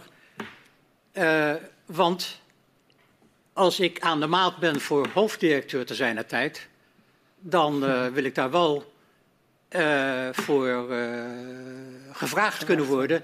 En dan moet er niet over me heen worden gestort van ja, maar dat is een prerogatief voor DSM, dus dan komt de DSM ook. Ik zei, want dan kom ik niet. Dus u zei, ik wil alleen commercieel directeur worden als ik ook nog een keer hoofddirecteur kan worden? Als er althans er geen belemmering. Want okay. ik wist natuurlijk wel, ik moest wel bewijzen ja. dat ik hoofddirecteur kwaliteiten in me zou hebben. Voor, naar genoegen van uh, de stakeholders. En dat u, had u afgesproken met? De heer Hans van Liemt, de voor, toenmalig voorzitter, van de Raad van Bestuur van DSM. Ja. Dus toen kreeg ik op een gegeven moment een briefje of, of een, uit, een, een, een, een, kopietje van een deel van de Raad van Bestuur uh, vergaderingen van DSM. Dat zij besloten hadden om af te zien van dat prerogatief. En daarmee was voor mij de weg, weg vrij om, bij om uh, te zeggen ja graag. Ik heb toen nog even aan Lex Helfrey gevraagd, denk je echt dat ik die commerciële dingen kan? En toen zei hij, uh, ja, waarom denk je dat, je dat we je gevraagd hebben? Hm, einde bericht. Oké, okay. en dus toen begon u bij GasUnie. En GasUnie is de enige leverancier van uh, aardgas, maar in die periode koopt SEP, u heeft het naam al een paar keer genoemd, de samenwerkende elektriciteitsproductiebedrijven, voor het eerst gas voor een lagere prijs bij een andere leverancier, bij Statoil in uh, Noorwegen. Uh, en het gaat hierbij om gas voor de Eemscentrale in Eemshaven. Statoil is in tegenstelling tot GasUnie wel bereid gas te leveren voor de lagere kolenprijs, waardoor er voor de eigenaar geen nadelige prijs ontstond om elektriciteit op te wekken. Hoe reageerde GasUnie op deze deal? Uh, wij reageerden onthutst. Onthutst. Want het was de eerste uh, doorbreking van ons de facto monopolie in Nederland. Mm -hmm. uh, het was ook de eerste uh, keer dat wij, althans dat we wisten, dat de Statoil bereid was om een steenkolenprijs geïndexeerde formule te hanteren bij zijn gasverkoop. Ja. En dat laatste, wij wisten dat SEP dat voortdurend wilde, had daar ook meerdere malen met ons gevraagd. Maar dat was iets wat, uh, waarover we bij GasUnie, en dat bedoel ik dus in kluis het college van gedelegeerde commissarissen, uh, niet bereid was om aan mee te gaan doen. Mm -hmm. Dus het waren eigenlijk we... twee novums, als ik het zo mag. Het waren eigenlijk twee novums, als ik het zo mag uh, benoemen. Het ene dat er dus uh, bij Statoil gekocht kan worden en het andere dat er dus een andere prijs uh, werd bepaald. Nou, dat, dat is een, een, een, een ineenvallend punt. Want SEP zou niet bij Statoil zijn gaan buurten als Ja. ze niet die andere prijs hadden gekregen. Ja. Want er was met onze leveranties echt helemaal niks mis. Ja. Alleen, het was stookolie gebonden en niet steenkolen gebonden. En nu zijn we waren onthutst. Heeft GasUnie nog geprobeerd eh, iets te doen aan die deal? Jazeker, we hebben Wat? hemel en aarde trachten te bewegen, maar dat is niet gelukt. En hoe, hoe heeft GasUnie geprobeerd hemel en aarde te bewegen? Nou, door eh, naar Statoil te gaan en eh, in feite te vragen van zullen wij dat contract niet overnemen. Toen hadden we wel voldoende, als ik me goed herinner, voldoende leeway gekregen van het college van gedelegeerde commissarissen om eventueel als het nodig was enzovoort. Maar zoals vaak in het leven, in de commerciële kant van het leven, als je te laat bent, ben je te laat. Dus dat is nooit. Dus dat is meer gelukt. Eh, heeft uh, GasUnie wel geprobeerd, want het ver- verliest dus marktaandeel, eh, om dat te compenseren? Nou, dat was niet zo eenvoudig. Dus ik weet eh, echt te compenseren. de, we zaten toen ook langzamerhand in de buurt van de liberalisatie die ging, eh, ging komen. Dit was eigenlijk de eerste eh, opmerkelijke activiteit waarmee we werden geconfronteerd op het gebied van liberalisatie. Het was een Mhm. wake-up call. Ja. En wat, wat betekende dat dan? Voor nou, dat wij eh, er voortaan rekening mee moesten houden dat je wel zes keer nee kan zeggen, maar dat misschien een zevende keer nee zeggen niet meer hoeft, omdat hij dan weggelopen is, de klant. Mhm. Dus dat je daar eh, nog veel bewuster mee moet omgaan, als dat we destijds dachten dat we ermee om konden gaan. Ja. En, en wat betekende dat dan in het beleid van GasUnie? Die, die, dat, dat inzicht, dus die conclusie? Nou, dat we gekeken hebben waar we toch iets, eh, iets makkelijker eh, aan een behoefte van de klant eh, konden tegemoetkomen. Maar dat was een hele, dat was een van de, als het, dat sprookje van, van die raad, van dat we het allemaal eens waren, die steenkolen, of die kolen eh, geïndexeerde prijsformule. Ja. Dat was iets zo splijtend Ja? binnen het gashuis, Ja? binnen het gasgebouw. Ongelooflijk. Oké. Was met name Esso die daar volstrekt geen fluit voor voelde.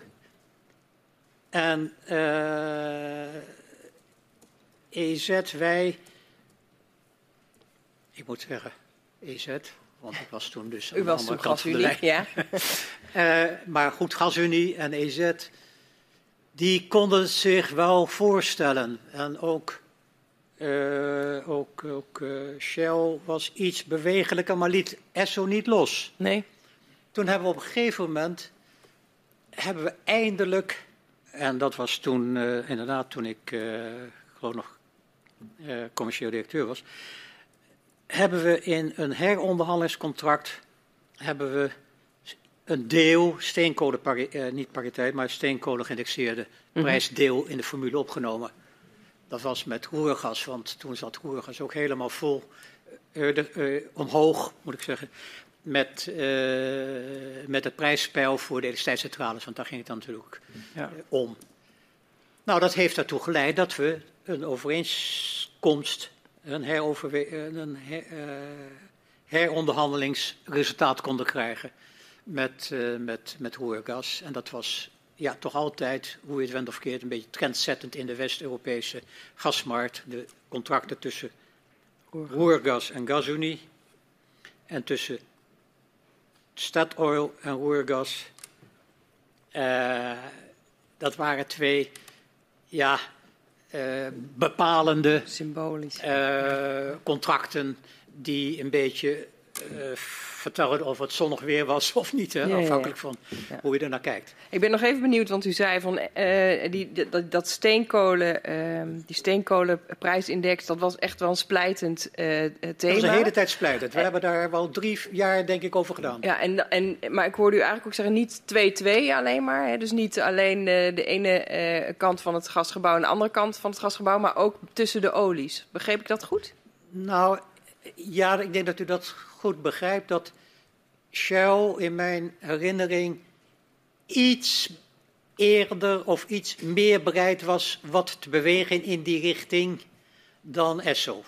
Esso is in mijn ervaring altijd een bedrijf uh, wat buitengewoon rechtlijnig met je meedenkt.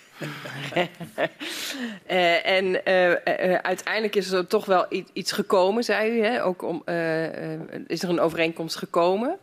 Ehm, wat, wat, is er, wat heeft er plaatsgevonden, zeg maar, dat die olies daarin meegingen? Nou, op een gegeven moment, wat ik voor de sourcing ook eventjes probeerde over te brengen. Iedereen telt zijn knopen 60 keer. En op een gegeven moment moet je tot elkaar komen. Ik denk dat zoiets ook in een coalitie plaatsvindt. Van, je moet op een gegeven moment er wel uitkomen. Oké. Oké. Ja, ik wil uh, het ook zo nog even hebben met u over het Gazprom-contract dat u afsloot in 1995. Maar daarvoor moet ik toch weer even terug met u naar de tijd dat u nog DG Handel, Ambacht en Diensten bij het ministerie van Economische Zaken bent. Dat is nog langer geleden, ja. Ja, dat zijn de jaren 80, 82. Um, klopt het dat uh, GasUnie begin jaren 80, dus eigenlijk te midden van de Koude Oorlog, ook al onderhandelen met de toenmalige Sovjet-Unie over een importcontract? Uh, GasUnie, daar heb ik geen weet van. Er was wel aan het eind 70 jaren, begin jaren 80, was er onder leiding eh, van uh, Gerrit Wagner een, uh, werd er een poging in gereedheid gebracht um, om eventueel, of eventueel, om te trachten in Rusland gas te gaan inkopen. Dat was voordat er twee belangrijke veranderingen optraden. De eerste verandering en belangrijkste voor GasUnie, Gasgebouw Nederland, was uh, die enorme toevoeging aan de economisch winbare reserves van het Groningen gasveld. Hè, waarvan ik noemde, ik geloof, 500 miljard of zoiets. Dat was inderdaad natuurlijk een fantastische sprong in de reserve. Dat was natuurlijk ook voor de eigenaar van dat gas, Chalanesso, niet iets om dan vervolgens uh, te gaan uh, hardlopen om te kijken of je elders, want je hebt genoeg gas om zelf te verkopen. En de andere reden was geopolitiek. Uh, in begin jaren tachtig, dat Reagan toen de president was van Amerika, daar werd steeds zorgelijker gekeken naar een situatie die toen dreigde te gaan ontstaan en waarin we nu helaas volop in zitten. Dat we veel, als West-Europa veel, veel te afhankelijk werden van Rusland. Dat uh, men boven 30% afhankelijkheid zou gaan uh, geraken.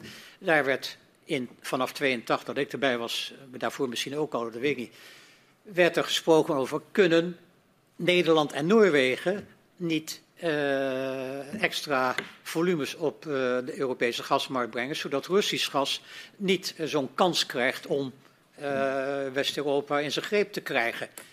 Met daarnaast ook het spel wat nu weer aan de orde is, helaas, dat de armee niet alleen in de greep kwam van macht, maar dat daarmee ook Rusland een enorme hoeveelheid deviezen, harde devisa, deviezen kreeg om zijn, zijn eigen plannen te volvoeren was ook de tijd, dacht ik, van de kruisrakettenplaatsing enzovoorts. Dus dat kwam samen. En uh, dat heeft dan uiteindelijk geleid tot die exportronde van 83, 84. Ja. Maar, en, oh, sorry. Ja. En dus is die. Eh, uh, Gerrit Wagner is nooit met die ploegmensen naar, naar ja. het Kremlin getogen. Dat was niet meer nodig. Nee. En niet gewenst. Nee. Maar er werd dus niet onderhandeld over een, uh, over een importcontract. Nee, we hebben niet, niet dat ik weet. Ik bedoel, het kan natuurlijk best zijn dat er iets in, uh, bij mijn voorganger of zo was, maar daar heb ik nooit iets van gehoord. Dan wel heb ik, ben ik het vergeten. Dat weet ik gewoon niet. Nee. Uh, we hebben uh, contracten, importcontracten gesloten met Ecofisk. Dat was ook prima passend ja. bij het beleid wat we in de eerste energienota, wat Lubbers uiteen had gezet.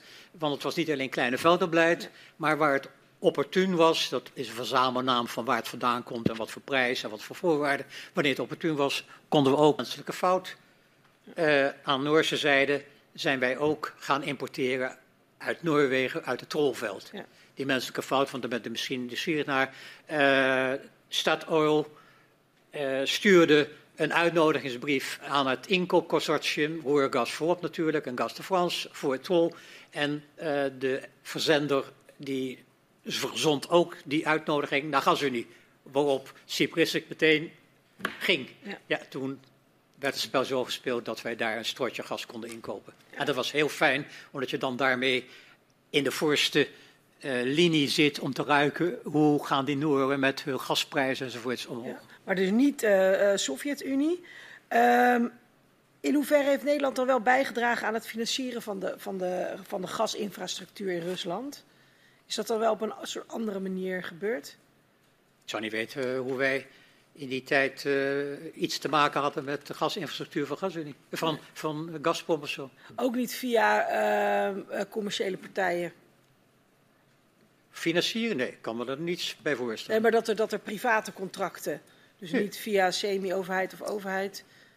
Het enige wat zou kunnen, niet dat het zo was, want dat weet ik niet, dat er misschien een we hadden een GasUnie Engineering Company die wat consultancydiensten deed voor uh, gasbedrijven die dat wilden inkopen.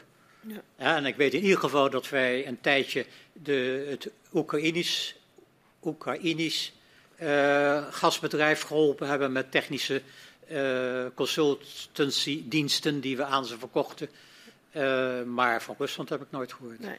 En waren er wel andere landen die die importcontracten wel afsloten? Ja, Italië en Duitsland en Oostenrijk uh, waren. Uh, Italië het grootste, Rus, Duitsland in die tijd denk ik nog nummer twee, maar werden gauw nummer één. En Oostenrijk, al het gas wat Oostenrijk verkocht aan binnen Oostenrijk was eigenlijk uit Rusland. Ze hadden zelf een heel klein piemotje ergens uh, staan pruttelen, maar dat was niet moeite waard. Daarom moesten zij ook van het EEA, nou ja, moesten, het is geen dwingende organisatie, maar de hele strikte aanbeveling van het Internationaal Energieagentschap, opgericht in 1974 door Rusland, sorry, door Amerika en Nederland, uh, dat zij een half jaar gas in de gasbergingen nodig had, uh, moesten opslaan, ja. uh, zodat hun bevolking uh, niet bij het eerste minste trouble in de kou zouden staan. Dus Oostenrijk heeft zeg maar, sinds begin jaren 80 een strategische gasreserve aangehouden van tenminste een half jaar verbruik. Net zo goed als dat de olie, alle oliereserves, de strategische oliereserves die IEA-landen uh, moesten aanleggen, was, als ik het wel, drie maanden. Hebben we nog steeds. We maken een sprongetje in de tijd. De muur valt, het ijzeren gordijn eh, gaat weg en nu bent de hoofddirecteur bij de, de Gasunie. En dan uh, starten, uh, start de Gasunie wel de gesprekken over importcontracten met uh, Gazprom. Hoe kwam dat tot stand? Kunt u vertellen daarover? Ja, niet zo moeilijk. Je hebt uh, in uh, Europa heb je een heel uh, circuit van gasconferenties. waar allerlei lieden naartoe gaan. ook de houten methode, om het maar zo te zeggen. En dan gebeurt het dus dat je op een gegeven moment, zeker mijn toenmalige algemeen commercieel directeur, dat hij dan ook Russische collega's tegen, hoe heet zoiets? Nou ja, collega tegenkomt. En dat was dan op een gegeven moment erg prettig, omdat wij in, in GasUnie een strategie, strategiestudie hadden gedaan. Mm -hmm. Met als uitkomst dat A.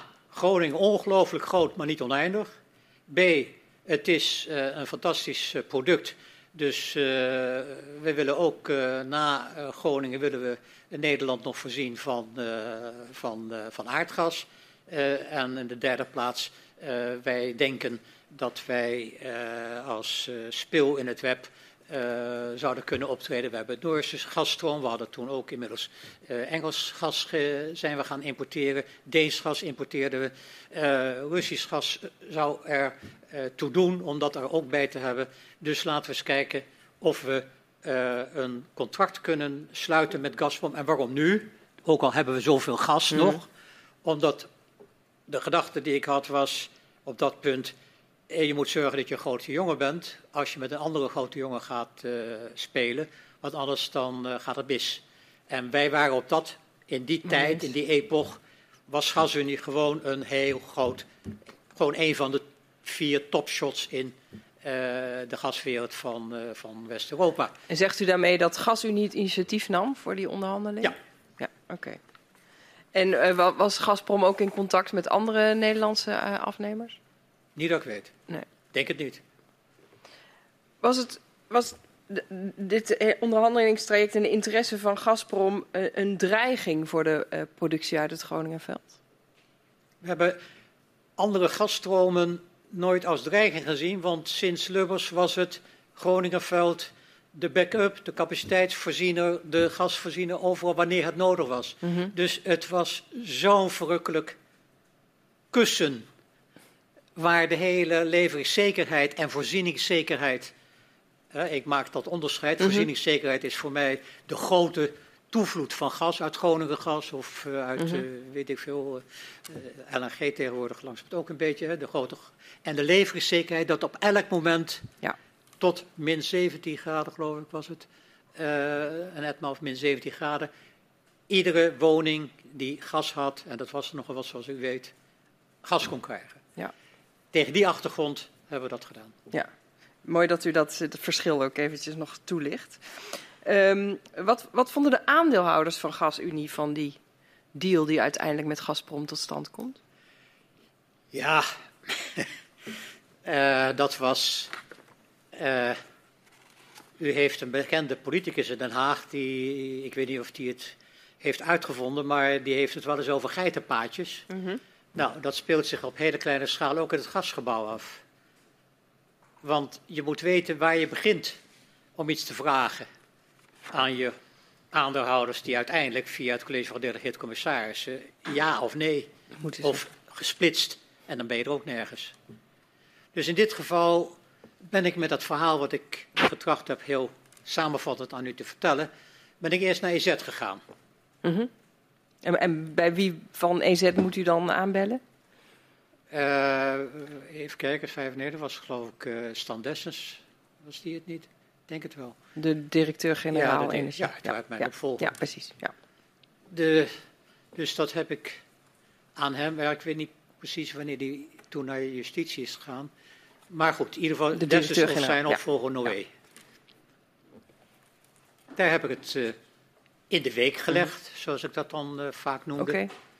Zo van, denk er eens over, vind je het gek? Hè? En als je nee bent, dan uh, stop ik de activiteiten om het te gaan proberen.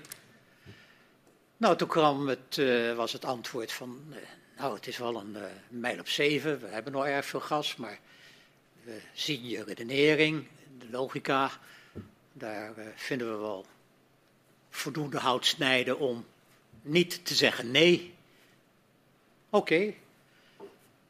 Toen uh, zijn we, ben ik gegaan uh, naar, uh, ik denk dat het de Shell was. Want dat was toch altijd, het was ook een taakverdeling die ze onderling hadden afgesproken heeft. Helfrich mij een keer verteld in het begin van mijn DGE-schap dat Shell zorgde voor de echte dagelijkse contacten met de overheid. Mm -hmm. En ESSO zat op de achterhand. Oké. Okay. Dat vonden ze allebei prettig, die taakverdeling, want Shell kent natuurlijk beter de Nederlandse samenleving, zeker in die tijd. En uh, ESSO ietsje minder. Mm -hmm.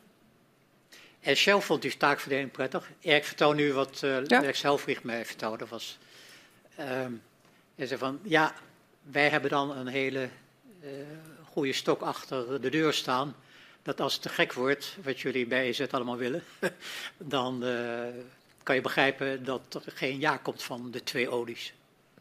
Dus dat was een prima dus u ging naar Shell? Ja. Dus ik ging naar Shell. En uh, daar heb ik het heel sumier, ik denk veel minder indringend verteld als dat ik het DGE verteld heb. Maar in ieder geval, de reactie die ik kreeg was dusdanig dat wij het lef verantwoord vonden om het te gaan proberen. Oké. Maar nu zei u aan het begin van het gesprek, toen ik vroeg uh, um, hoe, hoe zat het met die olies? Want u zei ja, misschien twee of drie keer waren ze het niet eens. Nou, in ieder geval één keer. En toen zei u, nou, die ene keer had te maken met de Gazprom-deal. Dus u mag maar iets meer kleur geven aan hoe de olies, eh, zeg maar, eh, meegingen in dit uh, Nou, verhaal. heel simpel. Uh, als je heel veel gas hebt wat je nog moet verkopen, je zit inmiddels in een uh, langzamerhand zich liberaliserende energiemarkt, dan zit je er niet op te wachten dat jouw, jouw afzet voor 4 miljard per jaar wordt ingenomen door gas uit Rusland. gelukkig konden wij toen nog een wederdienst, hoe heet zoiets, iets, iets aan de Russen verkopen. Mm -hmm. Namelijk uh, capaciteit, productiecapaciteit, uh, op welke wijze? Doordat wij het, uh, die 4 miljard tegen de seizoenen in lieten komen. Dus mm -hmm. normaaliter is zeg maar, noem maar wat, 60% van je volume trek je in de winter maanden en 40% in de zomer, of wat voor percentage mm. ook, maar niet 50-50. En wij draaiden precies om. Wij voegen 60, 65 procent weet ik het, uh, van het volume in de zomermaanden en 40 procent in de winter. Waarom? Omdat het totaal van kleine velden en Groningen en de bergingen het konden verhapstukken. En voor Gazprom was het een voordeel om daarvoor te betalen, omdat daarmee hun uh, enorme lange uh, pijpleidingsstelsel beter werd benut. Want anders uh, moesten zij, uh, ja, was dan, uh, hadden ze in de winter onvoldoende capaciteit die ze aan andere klanten, bijvoorbeeld in Duitsland of Frankrijk of Italië, konden verkopen. Ja. Dus dat was een win-win situatie, zoals dat heet. En u, u, u vertelt dit op, op mijn vraag van, hè, kunt u wat meer kleur geven aan hoe dat tussen de olies ging? Want wat is daar dan het, het verband tussen? Dus het, het, het, geven van die wederdienst door in de zomer meer uh, te kopen, versus dat Esso toch eigenlijk helemaal niet zo'n goed idee vond. Ja, dat paste woorden. niet in de, in de uh, paste niet of minder goed in de strategische overwegingen van hmm. Esso, zoals dat ons gewerd. Ik bedoel, want Esso gaat echt niet aan uh, GasUnie of aan mij vertellen wat hun uh, totale strategische plaatje is. Dat is mm. natuurlijk uh, commercieel bedrijfsgeheim. En dat, daar uh, zorgen ze echt wel voor dat dat uh, bij hun blijft. Net zoals dat wat wij binnen het gasgebouw deden, hoorde bij ons te blijven. Uh, dus dat weet ik niet wat de reden daarvan is. Ik constateer alleen dat ESSO daar veel meer moeite, moeite mee, had. Ja. En later is er nog een keertje iets gebeurd. Maar wat goed, zegt u? Ik zeg, later is er nog een keertje zoiets gebeurd over de splitsing van GasUnie. Die houden we nog even in de, in gedachten. In gedachten komen we straks op terug. Want ik wil nog even over deze periode eh, onderhandelt GasUnie ook over uh, aanvullende exporthoeveelheden. Um, hoe, hoe, hoe zat dat met elkaar in verband? Aan de ene kant het Gazprom-contract uh, en daarnaast de extra exportleveringen? Um, mijn uh, eerste PC's die hadden zo'n logo, Intel in, uh, Ja, Intel. Insight. Hè? Kunt u zich herinneren? Dat gaf aan dat je dan een kwaliteitsproduct had. En wij hadden in de staf van GasUnie gezegd van, wij gaan Russisch gas bijvoorbeeld inkopen en wij verkopen het als GasUnie-gas, GasUnie Insight. Dat geeft een kwaliteitstouch, waardoor je er net een halve cent meer voor kan krijgen als dat je voor je inkoop kan kopen. En omdat het altijd grote formules gaat, zou je er dan uh, natuurlijk een aardig winstje mee kunnen maken. Dat was heel basic gezegd wat de wat, gedachte was. Wat die extra exportleveringen eigenlijk toevoegden. Dat, is, dat is wat die extra exportleveringen Tenminste, als we het over dezelfde exportleveringen hebben. Niet de ronde van 83, 84. Dat is die nee. 280, 300 uh, miljard of. Mm -hmm. Weet ik. Uh, nee, we hebben nu echt over midden jaren 90. Nee, ik heb het bijvoorbeeld over het zoveelste Italië-contract. Dat ja. was geloof ik 6 miljard per jaar. Ja. Zo. Nee. Oké. Okay. Um,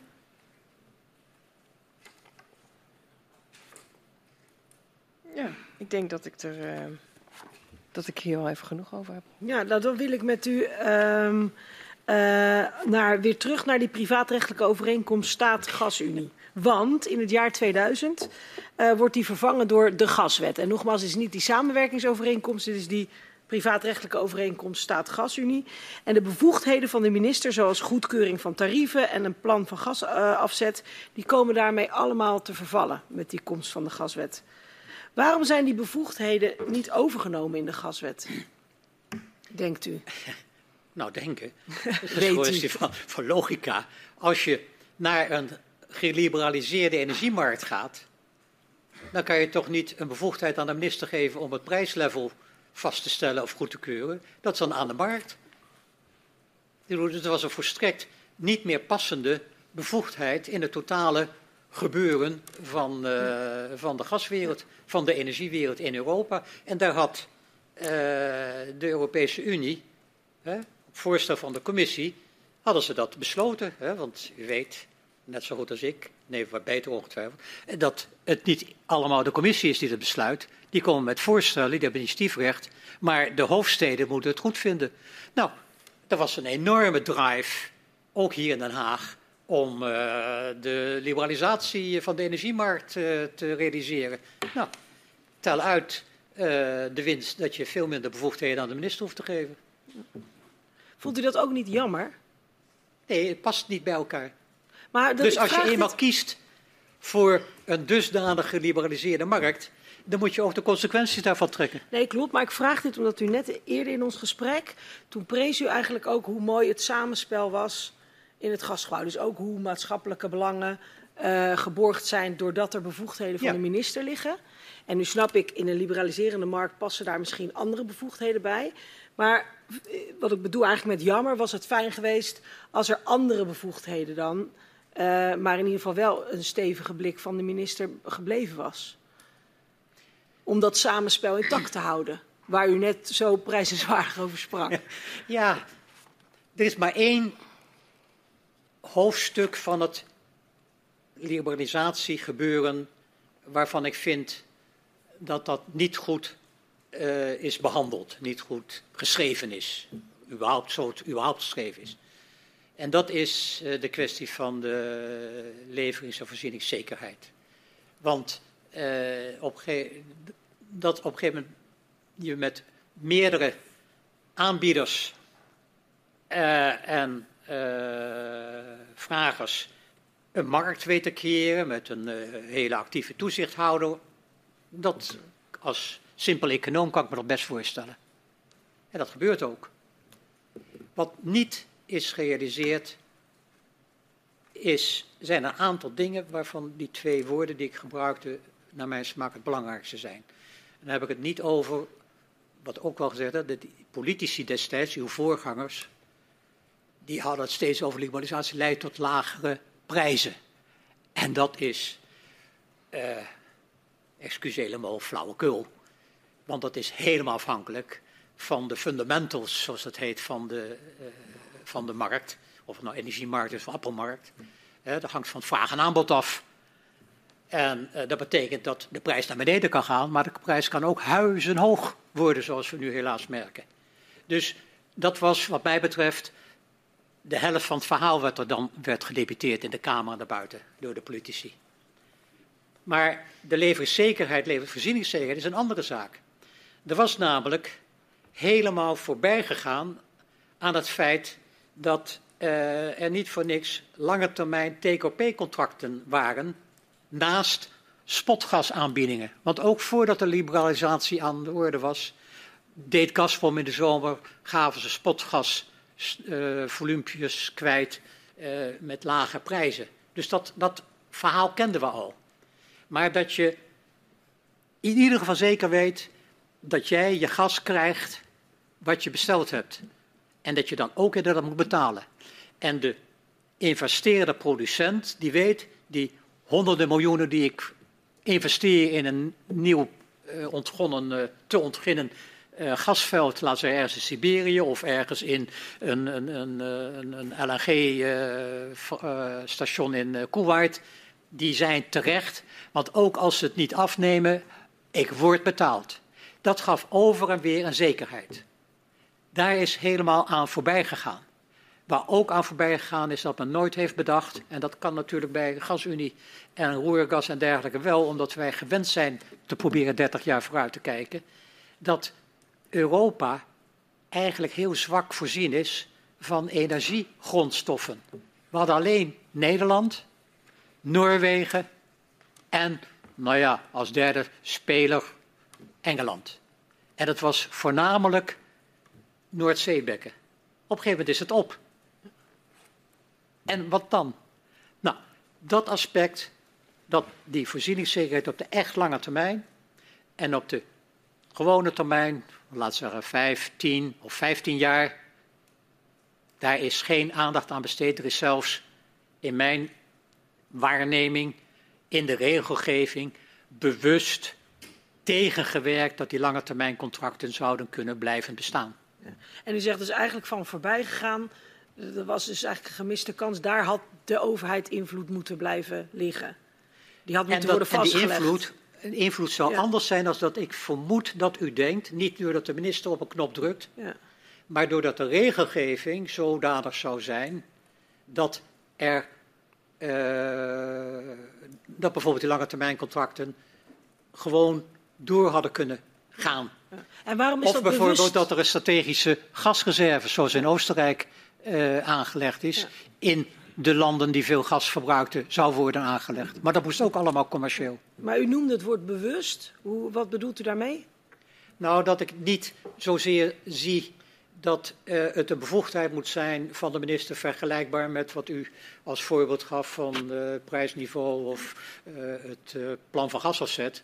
Maar dat de totale setting van de markt, de constructie van de markt, zodanig moest zijn dat er rekening mee zou zijn gehouden. Bijvoorbeeld een strategische reserve voor, eh, voor gas. Ja. Ik bedoel, we hebben hier zo ontzettend veel afhankelijkheid dat het helemaal niet zo gek zou zijn, naar mijn smaak, dat er een verplichting was gekomen, linksom of rechtsom, eh, dat eh, er in Nederland door de gasaanbieders eh, bijvoorbeeld een eh, half jaar van hun volumeomzet, dus niet geld, maar eh, kubieke meters, aan uh, strategische reserve zou moesten worden aangelegd. Dat Maar zat dan te dus betalen wel was.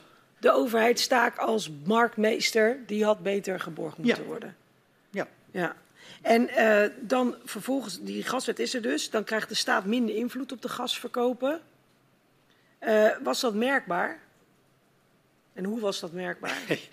Ja, ik bedoel, een markt is een markt en eh, die heeft altijd gelijk, één. En twee, je weet nooit welke richting die uitgaat. Dus wat dat betreft was het merkbaar. Dat was op, ik kan me herinneren, eh, daar heb ik echt om geglimlacht, eh, dat er, wanneer was dat? Ik denk zo rond eh, 2003 of zo. Nee, want, want Gert-Jan Lankers was. Dus het moet iets later geweest, 2007, 2008. Toen was er zo'n run geweest op uh, gasuniegas. Dat de grote industrie in Nederland geen gas meer kon kopen. Dus kreeg ik een, zag ik een groot artikel van, ik geloof de FEMW. van uh, de minister moet ingrijpen. want er is, uh, gas, Gasterra heeft geen gas meer voor de Nederlandse industrie. Dan denk je van dank je de koekoek. En jullie hebben zelf om uh, de marktwerking gevraagd. Dus dan zorg je maar dat je ja. op tijd met de juiste prijsaanbieding komt om gas binnen te halen. Ja. Nou, dat moest natuurlijk even wennen. Dus toen was eigenlijk die cruciale taak van overheid als, als goede marktmeester ook al nodig? Onnodig. Is, ik bedoel, ja. de, de, het was een ja. kwestie van wennen aan een nieuwe situatie, zijn in die markt. En dan moeten zowel de verkopers als de inkopers moeten op tijd aan in actie komen om te zorgen dat ze binnenkrijgen wat ze nodig hebben. Maar dan zegt u, dus zegt u dan eigenlijk dat het een gemiste kans is geweest dat we toen met die gaswet ervoor gekozen hebben om nou ja, eigenlijk de verantwoordelijkheid 100% bij marktpartijen te leggen? Alleen wat mij betreft voor het deel uh, gasreserves, hè, strategische ja. gasreserves en lange termijn contracten niet tegenwerken. Het moest niet verplicht kunnen worden door, uh, door de overheid, maar de fijnmazige regelgeving zou niet zo moeten zijn dat een lange termijn contract uh, het leven moeilijk werd gemaakt. Want het is bij mijn weten nooit echt verboden, nee. maar laat zeggen de, hoe heet die dingen, de verbindingslijnen die de grenzen overgaan, hè, daar moest tenminste x procent, weet ik, zo 70 procent, moet vrij verhandelbaar blijven. Nou, dan zit je heel gauw vol met een lange termijn contract die natuurlijk alleen maar kan draaien als je zeker weet dat je ook de transportcapaciteit hebt. Ja, ja. En dan eigenlijk die discussie over de liberalisatie van de gasmarkt, die, die komt voort uit de wens van liberalisering van de elektriciteitsmarkt. En gasmarkt. En gasmarkt, ja, van minister Joritsma. Nee, van de Europese Commissie. Ja, het eerste inderdaad, dat is waar. De Europese Commissie die had de regels. En meneer Jorisma, die wil, minister Jorisma die wilde daar heel graag op doorpakken. Eh, moest. Moest, ja. Binnen Eh, de Europese wetgeving, of regelgeving, hoe het verder noemen wil. En ja, nou, dat is eigenlijk mijn volgende vraag. Van hoe is die discussie eigenlijk toen gevoerd over die liberalisatie van de gasmarkt? Was er ook een verschil van inzicht van hoe minister Joritsma wilde doorpakken op wat Europa vroeg? Nou, dat. Even pikkeren. Eh, dat is weer een nieuw hoofdstuk. Ehm, verschil van. Kijk, ik ben eh, vrij constant tegen de liberalisatie geweest zoals die zich ging voordoen. Terwijl ik toch echt wel denk, althans dat ik een markteconoom ben. Om redenen die ik net heb trachten aan te geven. Dat was, dus dat zijn al twee redenen, reserves en de lange termijn contracten. Daar kwam nog een derde reden bij.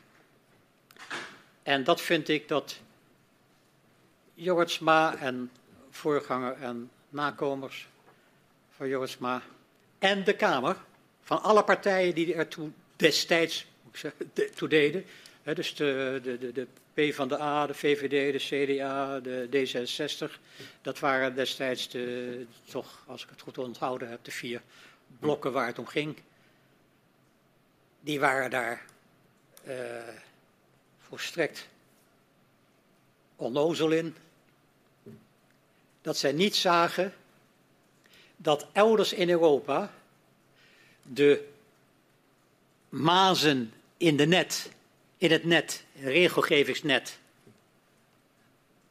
opgezocht werden en benut om de eigen energiebedrijven een stevige positie te geven. Je zag in Duitsland een enorme concentratie in uiteindelijk in E.ON, RWE en dan had je nog E, e, e, EMBW geloof ik in, eh, in dat hele innovatieve staatje tegen de Franse grens aan. Nou, dan heb je het geloof ik wel gehad.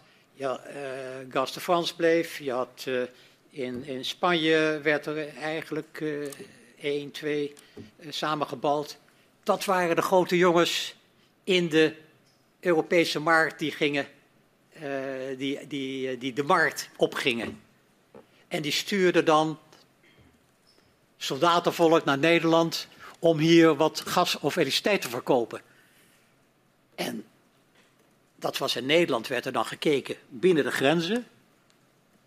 Van ja, dat is een echt bedrijf wat alleen maar in de ha- gashandel zit. En heeft geen pijpleidingen. Nee, die liggen in Frankrijk of in Duitsland.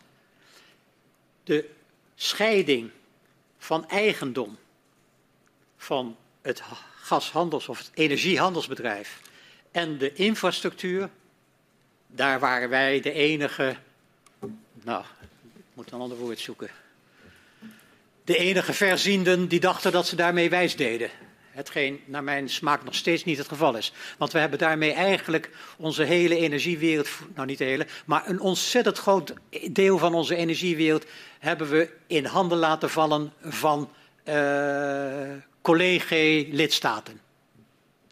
En dat is, ja, daar ben ik te ouderwets voor, denk ik. Ik neem u even weer terug, eh, terug naar binnen de landsgrenzen, want die invoering van de gaswet in 2000 ehm, maakt ook dat de zogenaamde Noorderkorting vervalt. Eh, en, en die Noorderkorting is een korting op de gasprijs in de noordelijke provincies die vanaf de start van de gaswinning eh, heeft bestaan. Op welke wijze profiteerden de Groningers van deze Noorderkorting? Kunt u dat beschrijven? Heel bescheiden. En ik ben eh, eerlijk gezegd verbaasd dat die pas met die gaswet officieel vervangen is. Want ik dacht dat we hem al eerder hebben moeten afschaffen vanwege druk van de Europese Commissie, omdat dat niet paste in het eh staatssteunbestel. Mhm. Eh, maar goed, uiteraard volg ik u in deze. Maar dat was, nou ik geloof een halve cent per kub. Dus het was een heel bescheiden bedrag. Want wij probeerden het toch te linken aan een soort vermeden kostenpost. Mhm. Dus uh, laat zeggen, als je als referentiepunt genomen zou hebben, uh, levering in Utrecht, even aannemen dat Utrecht mooi in het midden van Nederland ligt, dan heb je, kan je daar de transportkosten naar berekenen en een ja, ja. Groningen ligt erbij, dus dat is dan. En dan hadden we op een gegeven moment, was er ook gezeur, sorry, er was er ook uh, een beweging vanuit de provincie Overijssel om ook de kop van Overijssel daaronder te laten vallen.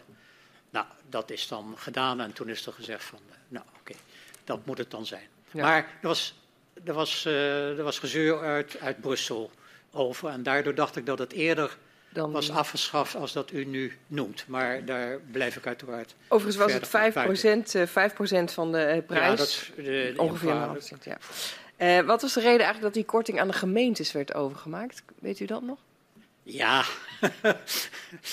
uh, iedere wethouder vindt het toch wel prettig als hij een speeltje heeft. Dat is een kort uh, antwoord.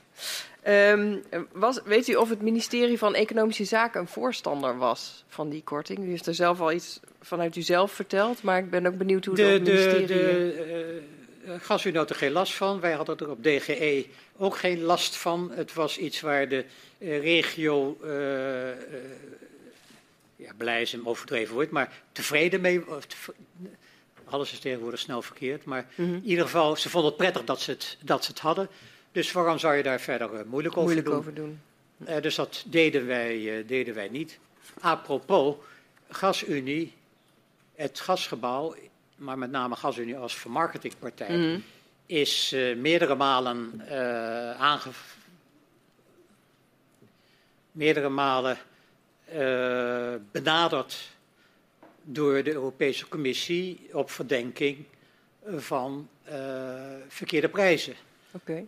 En zo in het algemeen denk ik dat de meeste mensen dan verwachten dat wij te hoge prijzen rekenden als in de ogen van de commissie mm -hmm. uh, als uh, de facto monopolist. Uh, de werkelijkheid is dat wij alleen maar zijn aangeklaagd door de Europese Commissie omdat zij meenden dat wij te lage prijzen in rekening brachten. Dit voor de record. Oké. Okay. Heeft dat iets te maken met die Groningen-korting?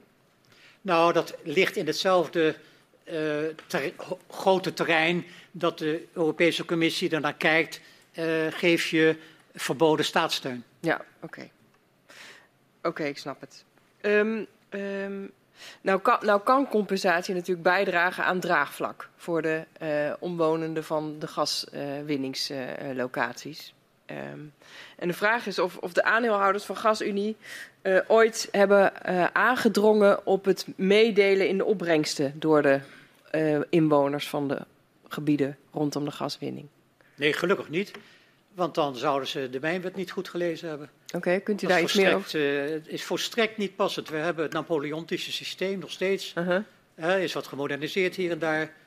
maar in uh, Nederland en allerlei andere landen die dat Napole Napoleontische systeem niet verlaten hebben, geldt dat de rijkdommen in de, in de aarde zijn van de staat. -huh. En that's it. Heel anders als bijvoorbeeld in Amerika, waar de rijkdommen onder jouw perceeltje zijn voor jou. Tegelijkertijd kan de staat dan natuurlijk kiezen wat ze met die opbrengsten doen. Oh ja, er zijn een heleboel, in de regionale programma's zijn er een heleboel zwembaden. Uh, bijvoorbeeld gebouwd in de jaren dat, uh, dat ik uh, directeur Algemene Economische Politiek was. Mm -hmm. Want dat was namelijk een grote moeilijkheid. Dat geld sturen waar naar een streek waar op dat moment onvoldoende economische bedrijvigheid is, mm -hmm. krijg je niet een echte economische force. Ik bedoel, het is tegenwoordig anders als je nu naar de Eemshaven uh, zou gaan. Dan zie je daar een hoeveelheid economische powerhouses bezig. Mm -hmm. Waardoor A, geldstuur niet meer nodig is. Maar B, dan heb je ook een, een massa aanwezig die ook echt voor de economie kan zorgen. Ja. Ja, dus u zegt, uh, de aandeelhouders van de gasunie uh, hebben daar nooit actief op aangedrongen om, om dat, dat draagvlak wellicht te creëren met delen van de opbrengsten. De, de oliemaatschappijen, hebben die daar ooit op aangedrongen? Wij zaten in één gasgebouw, dus wat ik net zei, mm -hmm. dat geldt voor alle vier van de, van de partners. Uh, is niet een punt van discussie geweest, omdat het zo buiten het paradigma van hoe uh, de mijnwetgeving mm -hmm. in elkaar zit, dat dat niet past. Eén. Punt twee, zou je heel snel tegen de Europese Commissie aanlopen van dit verboden staatssteun. Want bijvoorbeeld, destijds was er in de wet investeringsrekening ook een regionale toeslag voorzien. Mm -hmm. uh, nou, tot en met Brinkhorst is meegegaan, die was toen staatssecretaris Europese Zaken, uh, om dat bepleiten bij de Europese Commissie. Uh, ik kan dat vertellen omdat ik erbij was. En het antwoord was nee, want dat is regionale steun die niet paste in het toenmalige beleid van de Europese Commissie. Okay. Dus dat luistert allemaal heel nauw. Het enige wat de aandeelhouders in bewilligd hebben, wat echt een groot succes geworden is, ook al hebben de gedupeerden daar helemaal niets aan helaas. Uh, dat is het uh, bouw van het Groningen Museum in uh, Groningen. Ja. dat is een, een geste, had 25 miljoen, om duidelijk te maken dat we echt wel weten dat we te gast zijn in Groningen. Ja. Heeft GasUnie nog op andere manieren zelf geïnvesteerd in de, in de samenleving in, in het noorden? investeren is een. Wij, laat ik het zo zeggen. Wel een beetje gek. De, toen ik met afscheid ging, toen ik aftrad als hoofddirecteur, heeft de gemeente Groningen mij iets bijzonders gegeven. Als dank voor het goede burgerschap wat GasUnie onder mijn leiding overigens, heeft uitgeoefend. Mm -hmm. Wanneer er iets was, probeerden wij te helpen. Maar niet met miljoenen, want mm -hmm. eh, dat konden wij niet verantwoorden. Zou waarschijnlijk de minister ook niet kunnen verantwoorden. Mm -hmm. En waar, waar, moet ik dan aan denken als ik niet aan miljoenen moet denken? Nou, bijvoorbeeld uh, uh, toen het museum uh, gebouwd was, was natuurlijk aan de orde dat het museum, het Groningen Museum, moest zorgen, want dat was de enige taak, de enige opdracht die we hadden gegeven aan het museum, dat het Groningen Museum op zijn minst een nationale, zo niet een internationale statuur zou krijgen. Nou, toen uh, hebben we besloten om uh, een revolving fund in te richten voor het museum. Uh, we hebben dat met Kees van Twist, de toenmalige directeur mm -hmm. van het museum, gedaan. Daar stopten we een miljoen in. Uh, kon die bijvoorbeeld de Repin tentoonstelling, was daar de eerste van, uh, konden daarmee georganiseerd worden. GasUnie heeft hand- en spandiensten uh, verleend. onze medewerker Geert Geving heeft Jan en Alleman in Sint-Petersburg en Moskou afgelopen om te zorgen dat de juiste schilderijen te, in die tentoonstelling zou worden gehangen.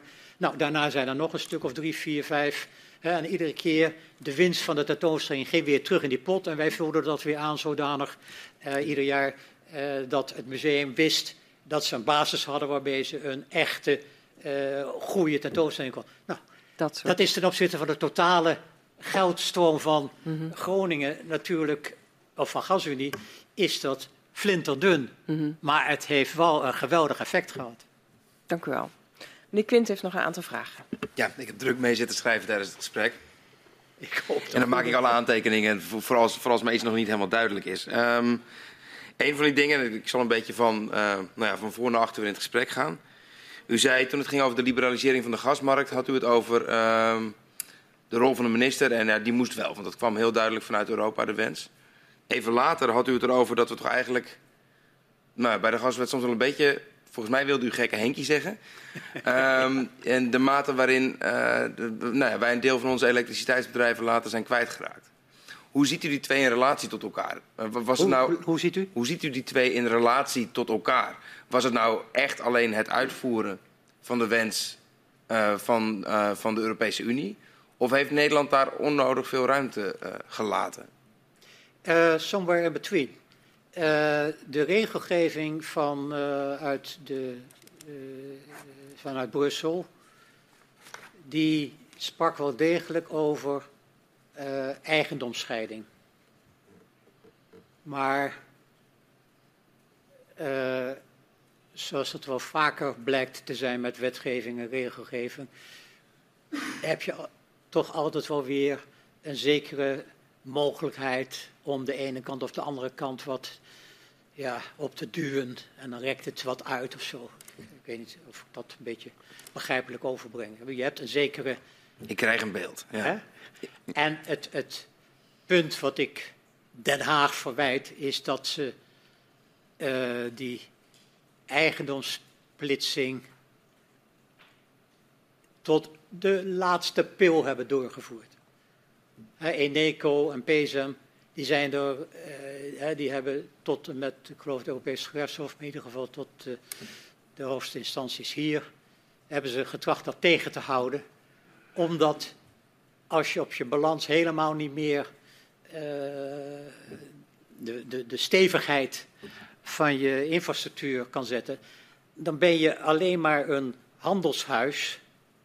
En dan moet je het van de maatvoering hebben dat een handelshuis goed is. Als je kijkt naar of het nou over graan gaat of over uh, kunstmest of uh, Glencore of wat dan ook.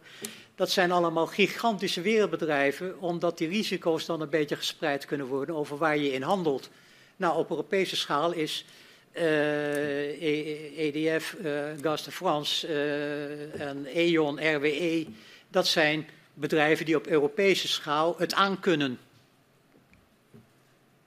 Maar in Nederland is dat niet mogelijk met de toenmalige bedrijven, gegeven de toenmalige size die ze hadden. Eneco die heeft er ontzettend veel last van gehad.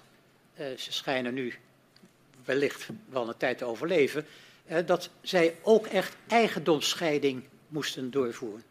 En dat is, zover ik het begrepen heb, en ja, uiteraard zal ik veel fouten maken, maar zover ik begrepen heb, is dat zo hard doorgevoerd, dat zelfs, kijk, in de, er schijnt een of andere wet eh, binnenlands financiering te zijn.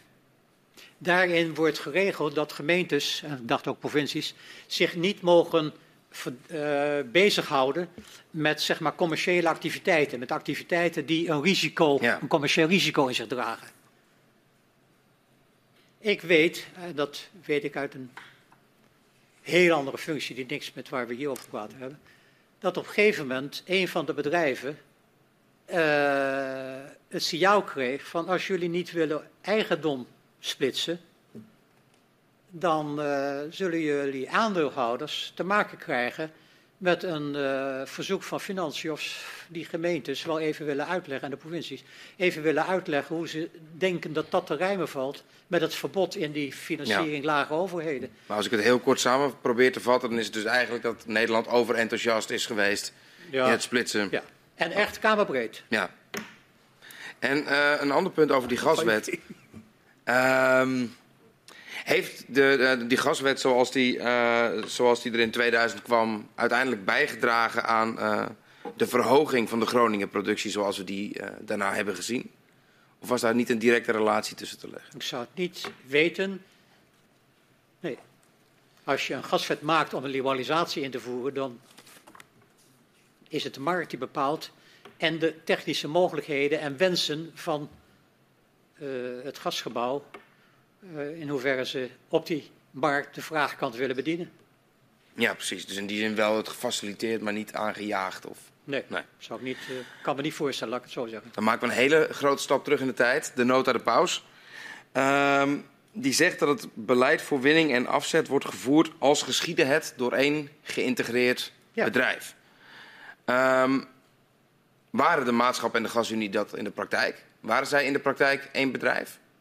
Gasunie en de maatschap? Ja. Volstrekt niet.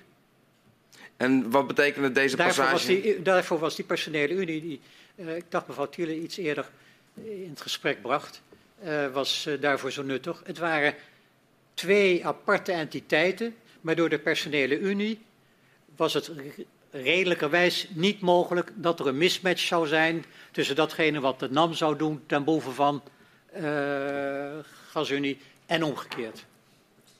Maar dat is dan toch precies wat er bedoeld wordt met in de praktijk geïntegreerd als ware het één bedrijf. Ja, in de praktijk, ja. Ja, ja precies. Nee, dat, dan, uh, dan begrijpen we elkaar. Dat was inderdaad uh, mijn vraag. Um, helemaal aan het begin zei u, um, het kwam eigenlijk wel goed uit dat de NAM ten tijde van de eerste energienota uh, nogal wat concessies um, van de kleine velden had. Dat maakt het makkelijker om dat kleine veldenbeleid in te voeren. Um, u zegt ja, het, het, het toeval hielp een beetje mee. Ja. Was dat toeval of kreeg NAM in die tijd voorrang bij het verkrijgen van concessies uh, voor de kleine velden?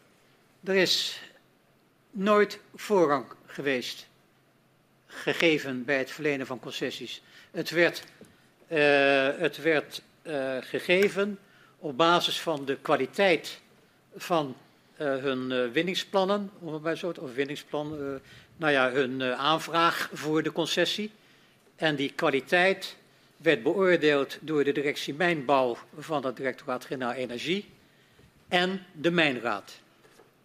En die twee samen, dat ging terug naar de DGE om te zien aan de hand van wat de directie Mijnbouw van dat is de volgorde van die concessie geven we aan die en die concessie geven we daaraan. En EB, sorry, DSM aardgas die hielp EZ daarmee om de inhoudelijkheid, de diepgang van de materie beter te kunnen doorforsen. Om een, een, uh, of, nee, een anekdote te geven over die onafhankelijkheid. Op een gegeven moment was er een beleidsbeschouwing uh, in een kabinet aan de orde om het aantal adviesraden te uh, verminderen. En toen heb ik in mijn enthousiasme uh, voorgesteld om de mijnraad op te heffen.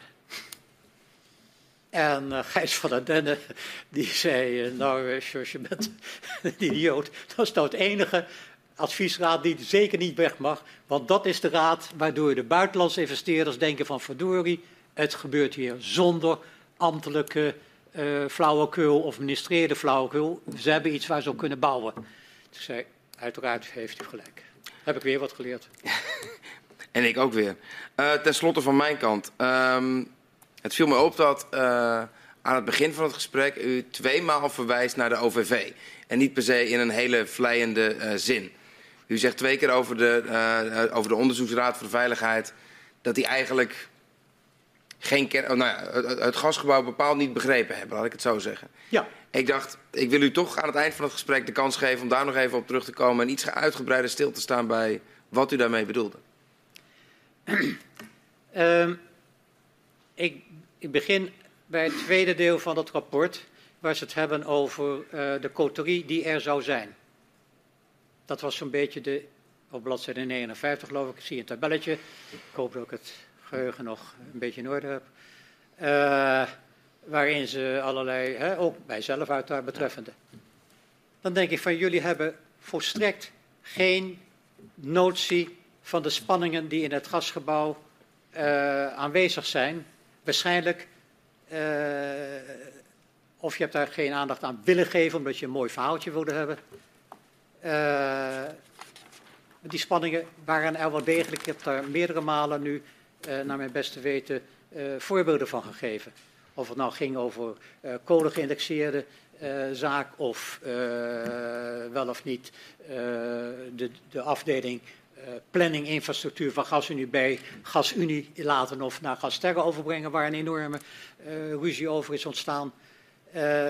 in 1993 heeft het college van gedelegeerde commissarissen Pieter Winsemius gevraagd als consultant gesprekken met alle stakeholders te houden zo, omdat de zaak zo verzuurd was tussen de stakeholders. We hebben steeds overeind gehouden die stiff upper lip, waardoor de buitenwereld steeds dacht van het loopt allemaal als een van een leien dakje. Maar, maar er werd heel dat, wat gevochten. Is het dan gek dat de OVV als, als buitenwereld ik vind, dat je, ik vind dat je als zo'n belangrijk, reputabel uh, onderzoeksinstituut, dat je dan op goede gronden een uh, suggestie moet oproepen van een, uh, van een coterietje. Ik ben daar boos over. Heeft u daar ook contact over opgezocht met de OVV? Nee, natuurlijk. Ze hebben toch ook contact opgezocht met mij. Ze hebben één keer met dat mij Dat was inderdaad mijn volgende vraag. Ik vind het beneden peil.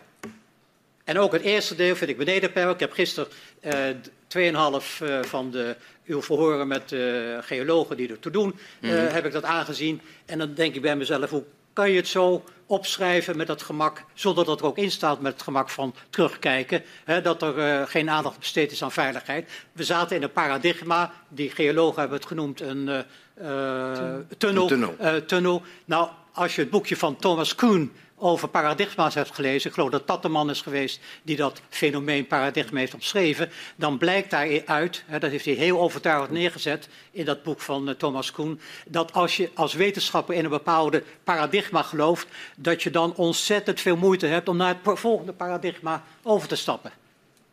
Nou, daar is allemaal geen aandacht aan besteed in dat rapport van uh, meneer Joustra en consorten. Kortom, ik vind het een heel slecht rapport de naam van Raad voor de Veiligheid niet waard. Dat is duidelijk. Um, over die, dan, dan, nu u zelf over begint, over die um, uh, gesprekken van gisteren en de paradigma's. De wetenschappers die gisteren aan het woord waren, die wijzen er natuurlijk ook op van ja, wij hebben wel geprobeerd uh, er doorheen te komen. En uh, ja, er waren bestaande paradigma's, maar wij merkten dat ook wanneer wij andere feiten aandroegen, die ons punt zouden onderstrepen, dat wij er niet doorheen kwamen. Waarop? Uh, dat zij bijvoorbeeld hun, uh, hun zorgpunt op het gebied van de veiligheid en de gevolgen van de gaswinning onvoldoende voor het voetlicht wisten te krijgen. Mede vanwege de paradigma's zoals u die schetst, denk ik. Ja, ik probeer zojuist aan u over te brengen dat wetenschappers die in een bepaald paradigma zitten, erg veel moeite hebben om zich te kunnen voorstellen dat een ander paradigma misschien beter de werkelijkheid verklaart. Dus dat is, kan één reden zijn.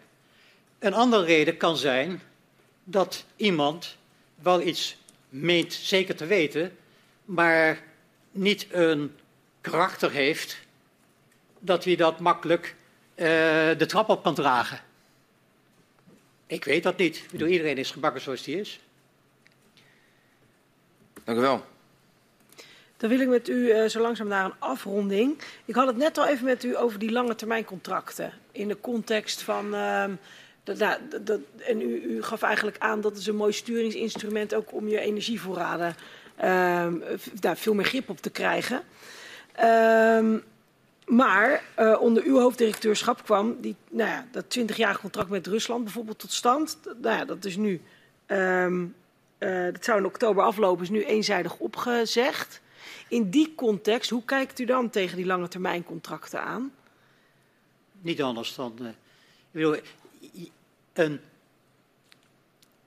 een oorlogvoerende, hoe zou ik hem noemen, meneer Poetin, die kan alles omverwerpen. Je gaat op een gegeven moment ga je contracten aan als je de overtuiging, en die had ik, en uh, mijn mensen met mij en mijn aandeelhouders ook, dat je in die tijd dat we dat deden, en dat was de tijd van Hè, dat eigenlijk de hele wereld naar Rusland kwam omdat we dachten dat ze op weg waren naar meer democratie en uh, uh, normale uh, economische verhoudingen. dus op het, wat wij dan noemden, het goede pad. Niet weten dat er achter Yeltsin inmiddels al Poetin bezig was om nou ja, met terreurdaden te zorgen dat hij als sterke man tevoorschijn kon komen toen Yeltsin overleed. Ja. Dus ik heb daar, laat ik daar ook helder over zijn, ik heb er ook volstrekt geen spijt van. Dat is een gebeuren, een act of God, in dit geval van Poetin. Ja. En, en dus die lange termijn contracten, die zijn er zoals u zei eh, nodig om, uh, om, om die grip op die energievoorraad te houden. Om die? Een grip op die energievoorraad uh, te hebben. Ja, om, om die, uh, wij dachten van nou, dan zijn we richting 2075, daaromtrent, ja. zijn, wij, zijn we wel. Toen ik in mijn laatste jaar als uh, CEO waren we natuurlijk bezig met het hoe heet dat, winningsplan of bestemming, uh, hoe heet dat, uh, winningsplan van GasUnie. Nee, niet winningsplan. Het plan van gasverzet, ja. of met, met, de juiste naam. Daar, daar, daar had ik bij mijn staf had ik ingestoken 35 miljard per jaar.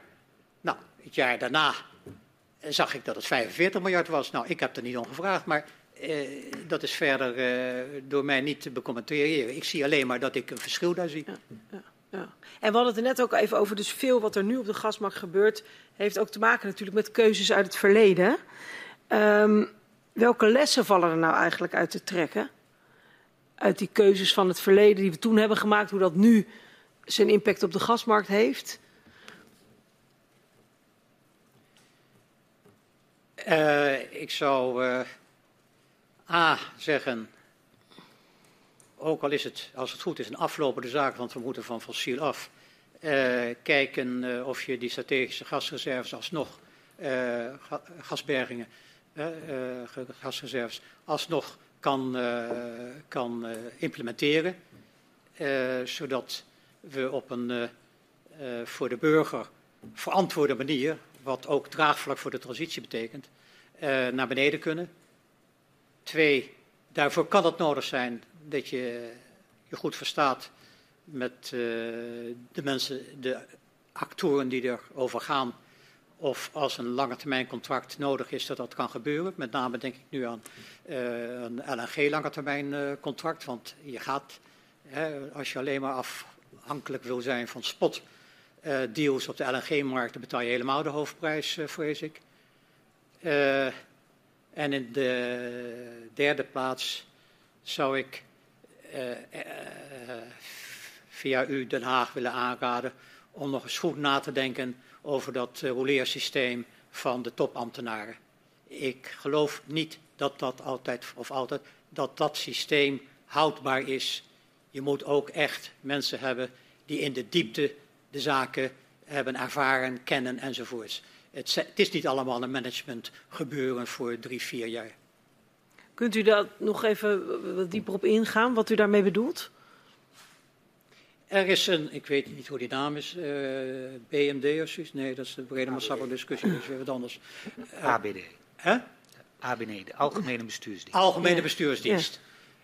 Ja. Uh, leuk idee. Ik denk dat de uitwerking, de praktijk nu heeft getoond, voor mij althans, dat dat niet de beste manier is om, uh, om te doen.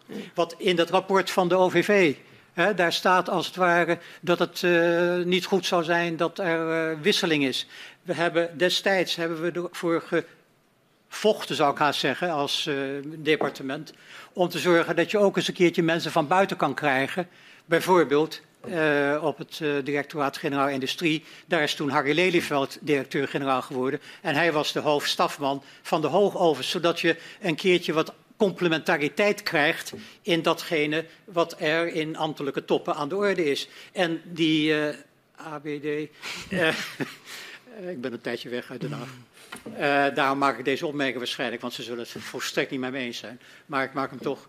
Uh, dat die ABD uh, een, een, soort managementlaag is waar iedereen maar geluidsloos kan overstappen naar het volgende departement. En dat is heel schadelijk, want je kent de materie niet voldoende.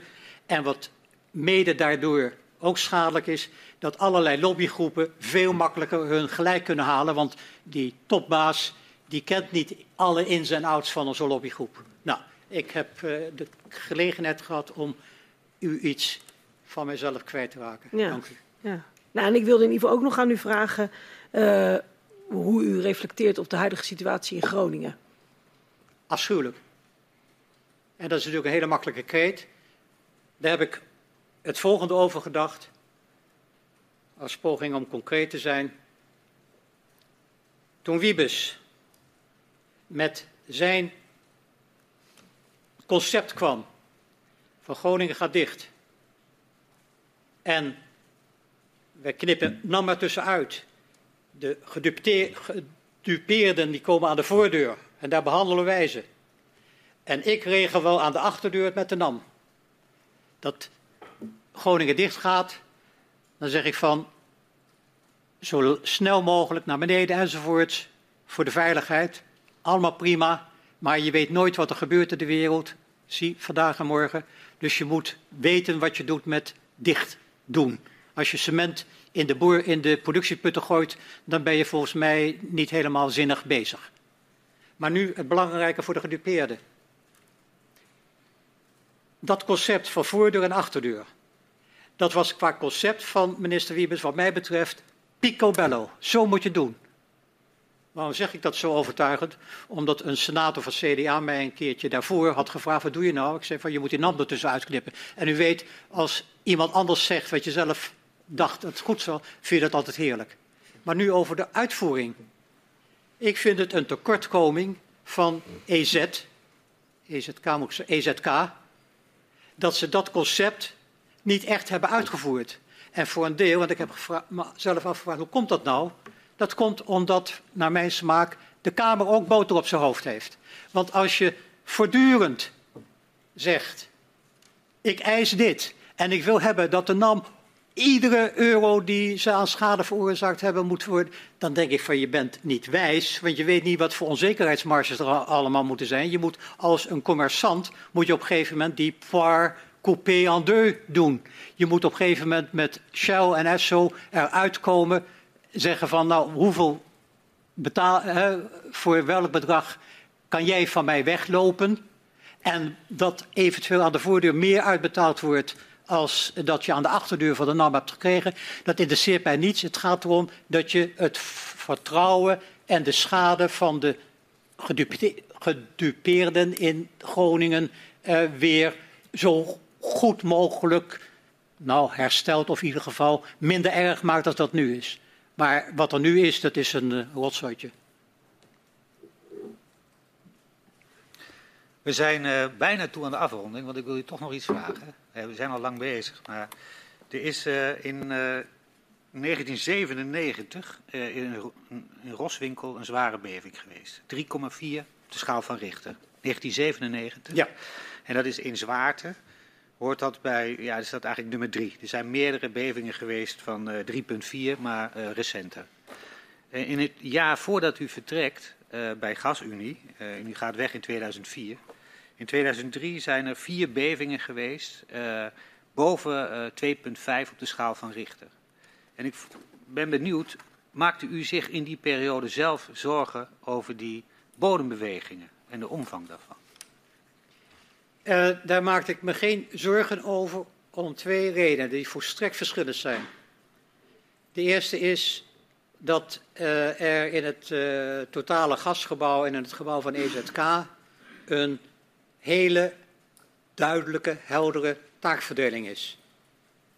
Staatstoezicht, dat hoorde ik gisteren ook in de verhoren die u heeft gehouden, is, zo heb ik het ook altijd begrepen, is er voor de veiligheid, en ik voeg er dan aan toe, en om toe te zien dat aan alle relevante wetgeving wordt voldaan, milieuwetgeving en zo. Dat is trouwens ook door een van uw getuigen ook uh, genoemd gisteren.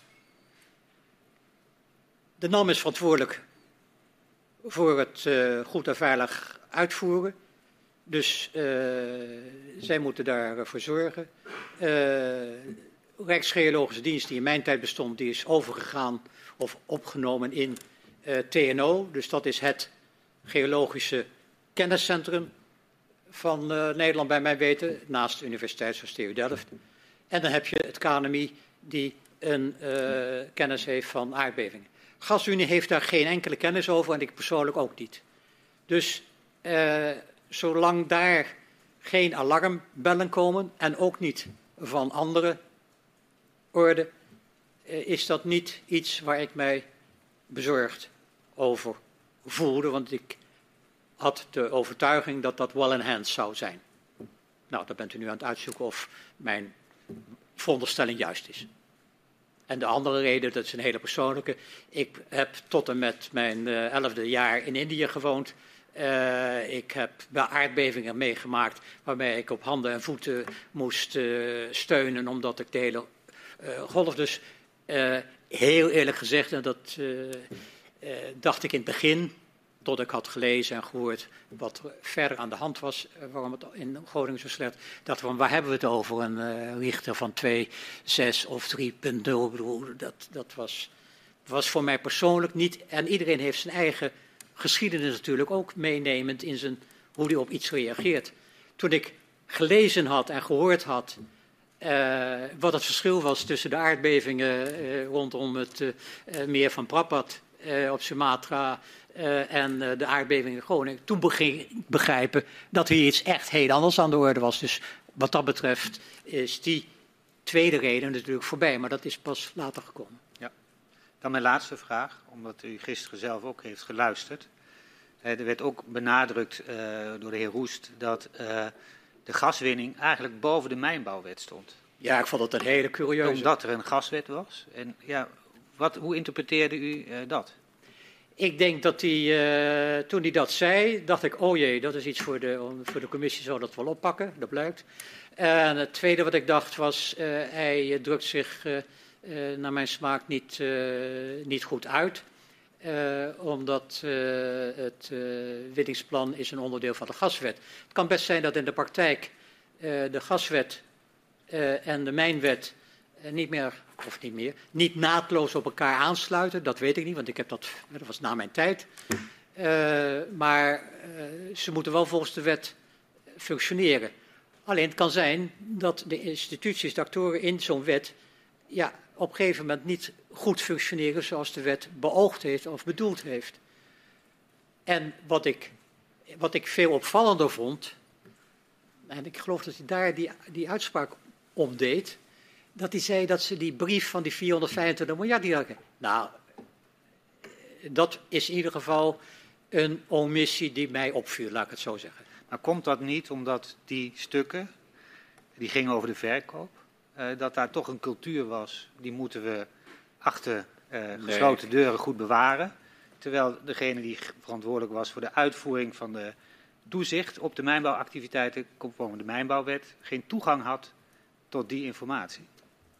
Ja, ik uh, moet uh, speculeren. Uh, ik kan me het niet voorstellen dat dat de reden kan zijn, want het staatstoezicht op de mijnen die moest voorzien worden om hun taak te kunnen uh, adequaat te kunnen uitvoeren. Dus daarom dat dit voor mij een rare omissie is. Ik bedoel, als zij de redenen voor hebben, nou, dan zal, zal u die wel uh, te horen krijgen. Maar ik kan het me niet voorstellen. Goed. Daarmee zijn we nu echt aan het einde gekomen van dit uh, best lange verhoor. dank voor uw komst, dank voor uw antwoorden. Um, ik vraag de griffier om u naar buiten te begeleiden, net als u begeleider mevrouw Verhagen. De griffier gaat dat nu doen. En ik wens u nog een goede dag.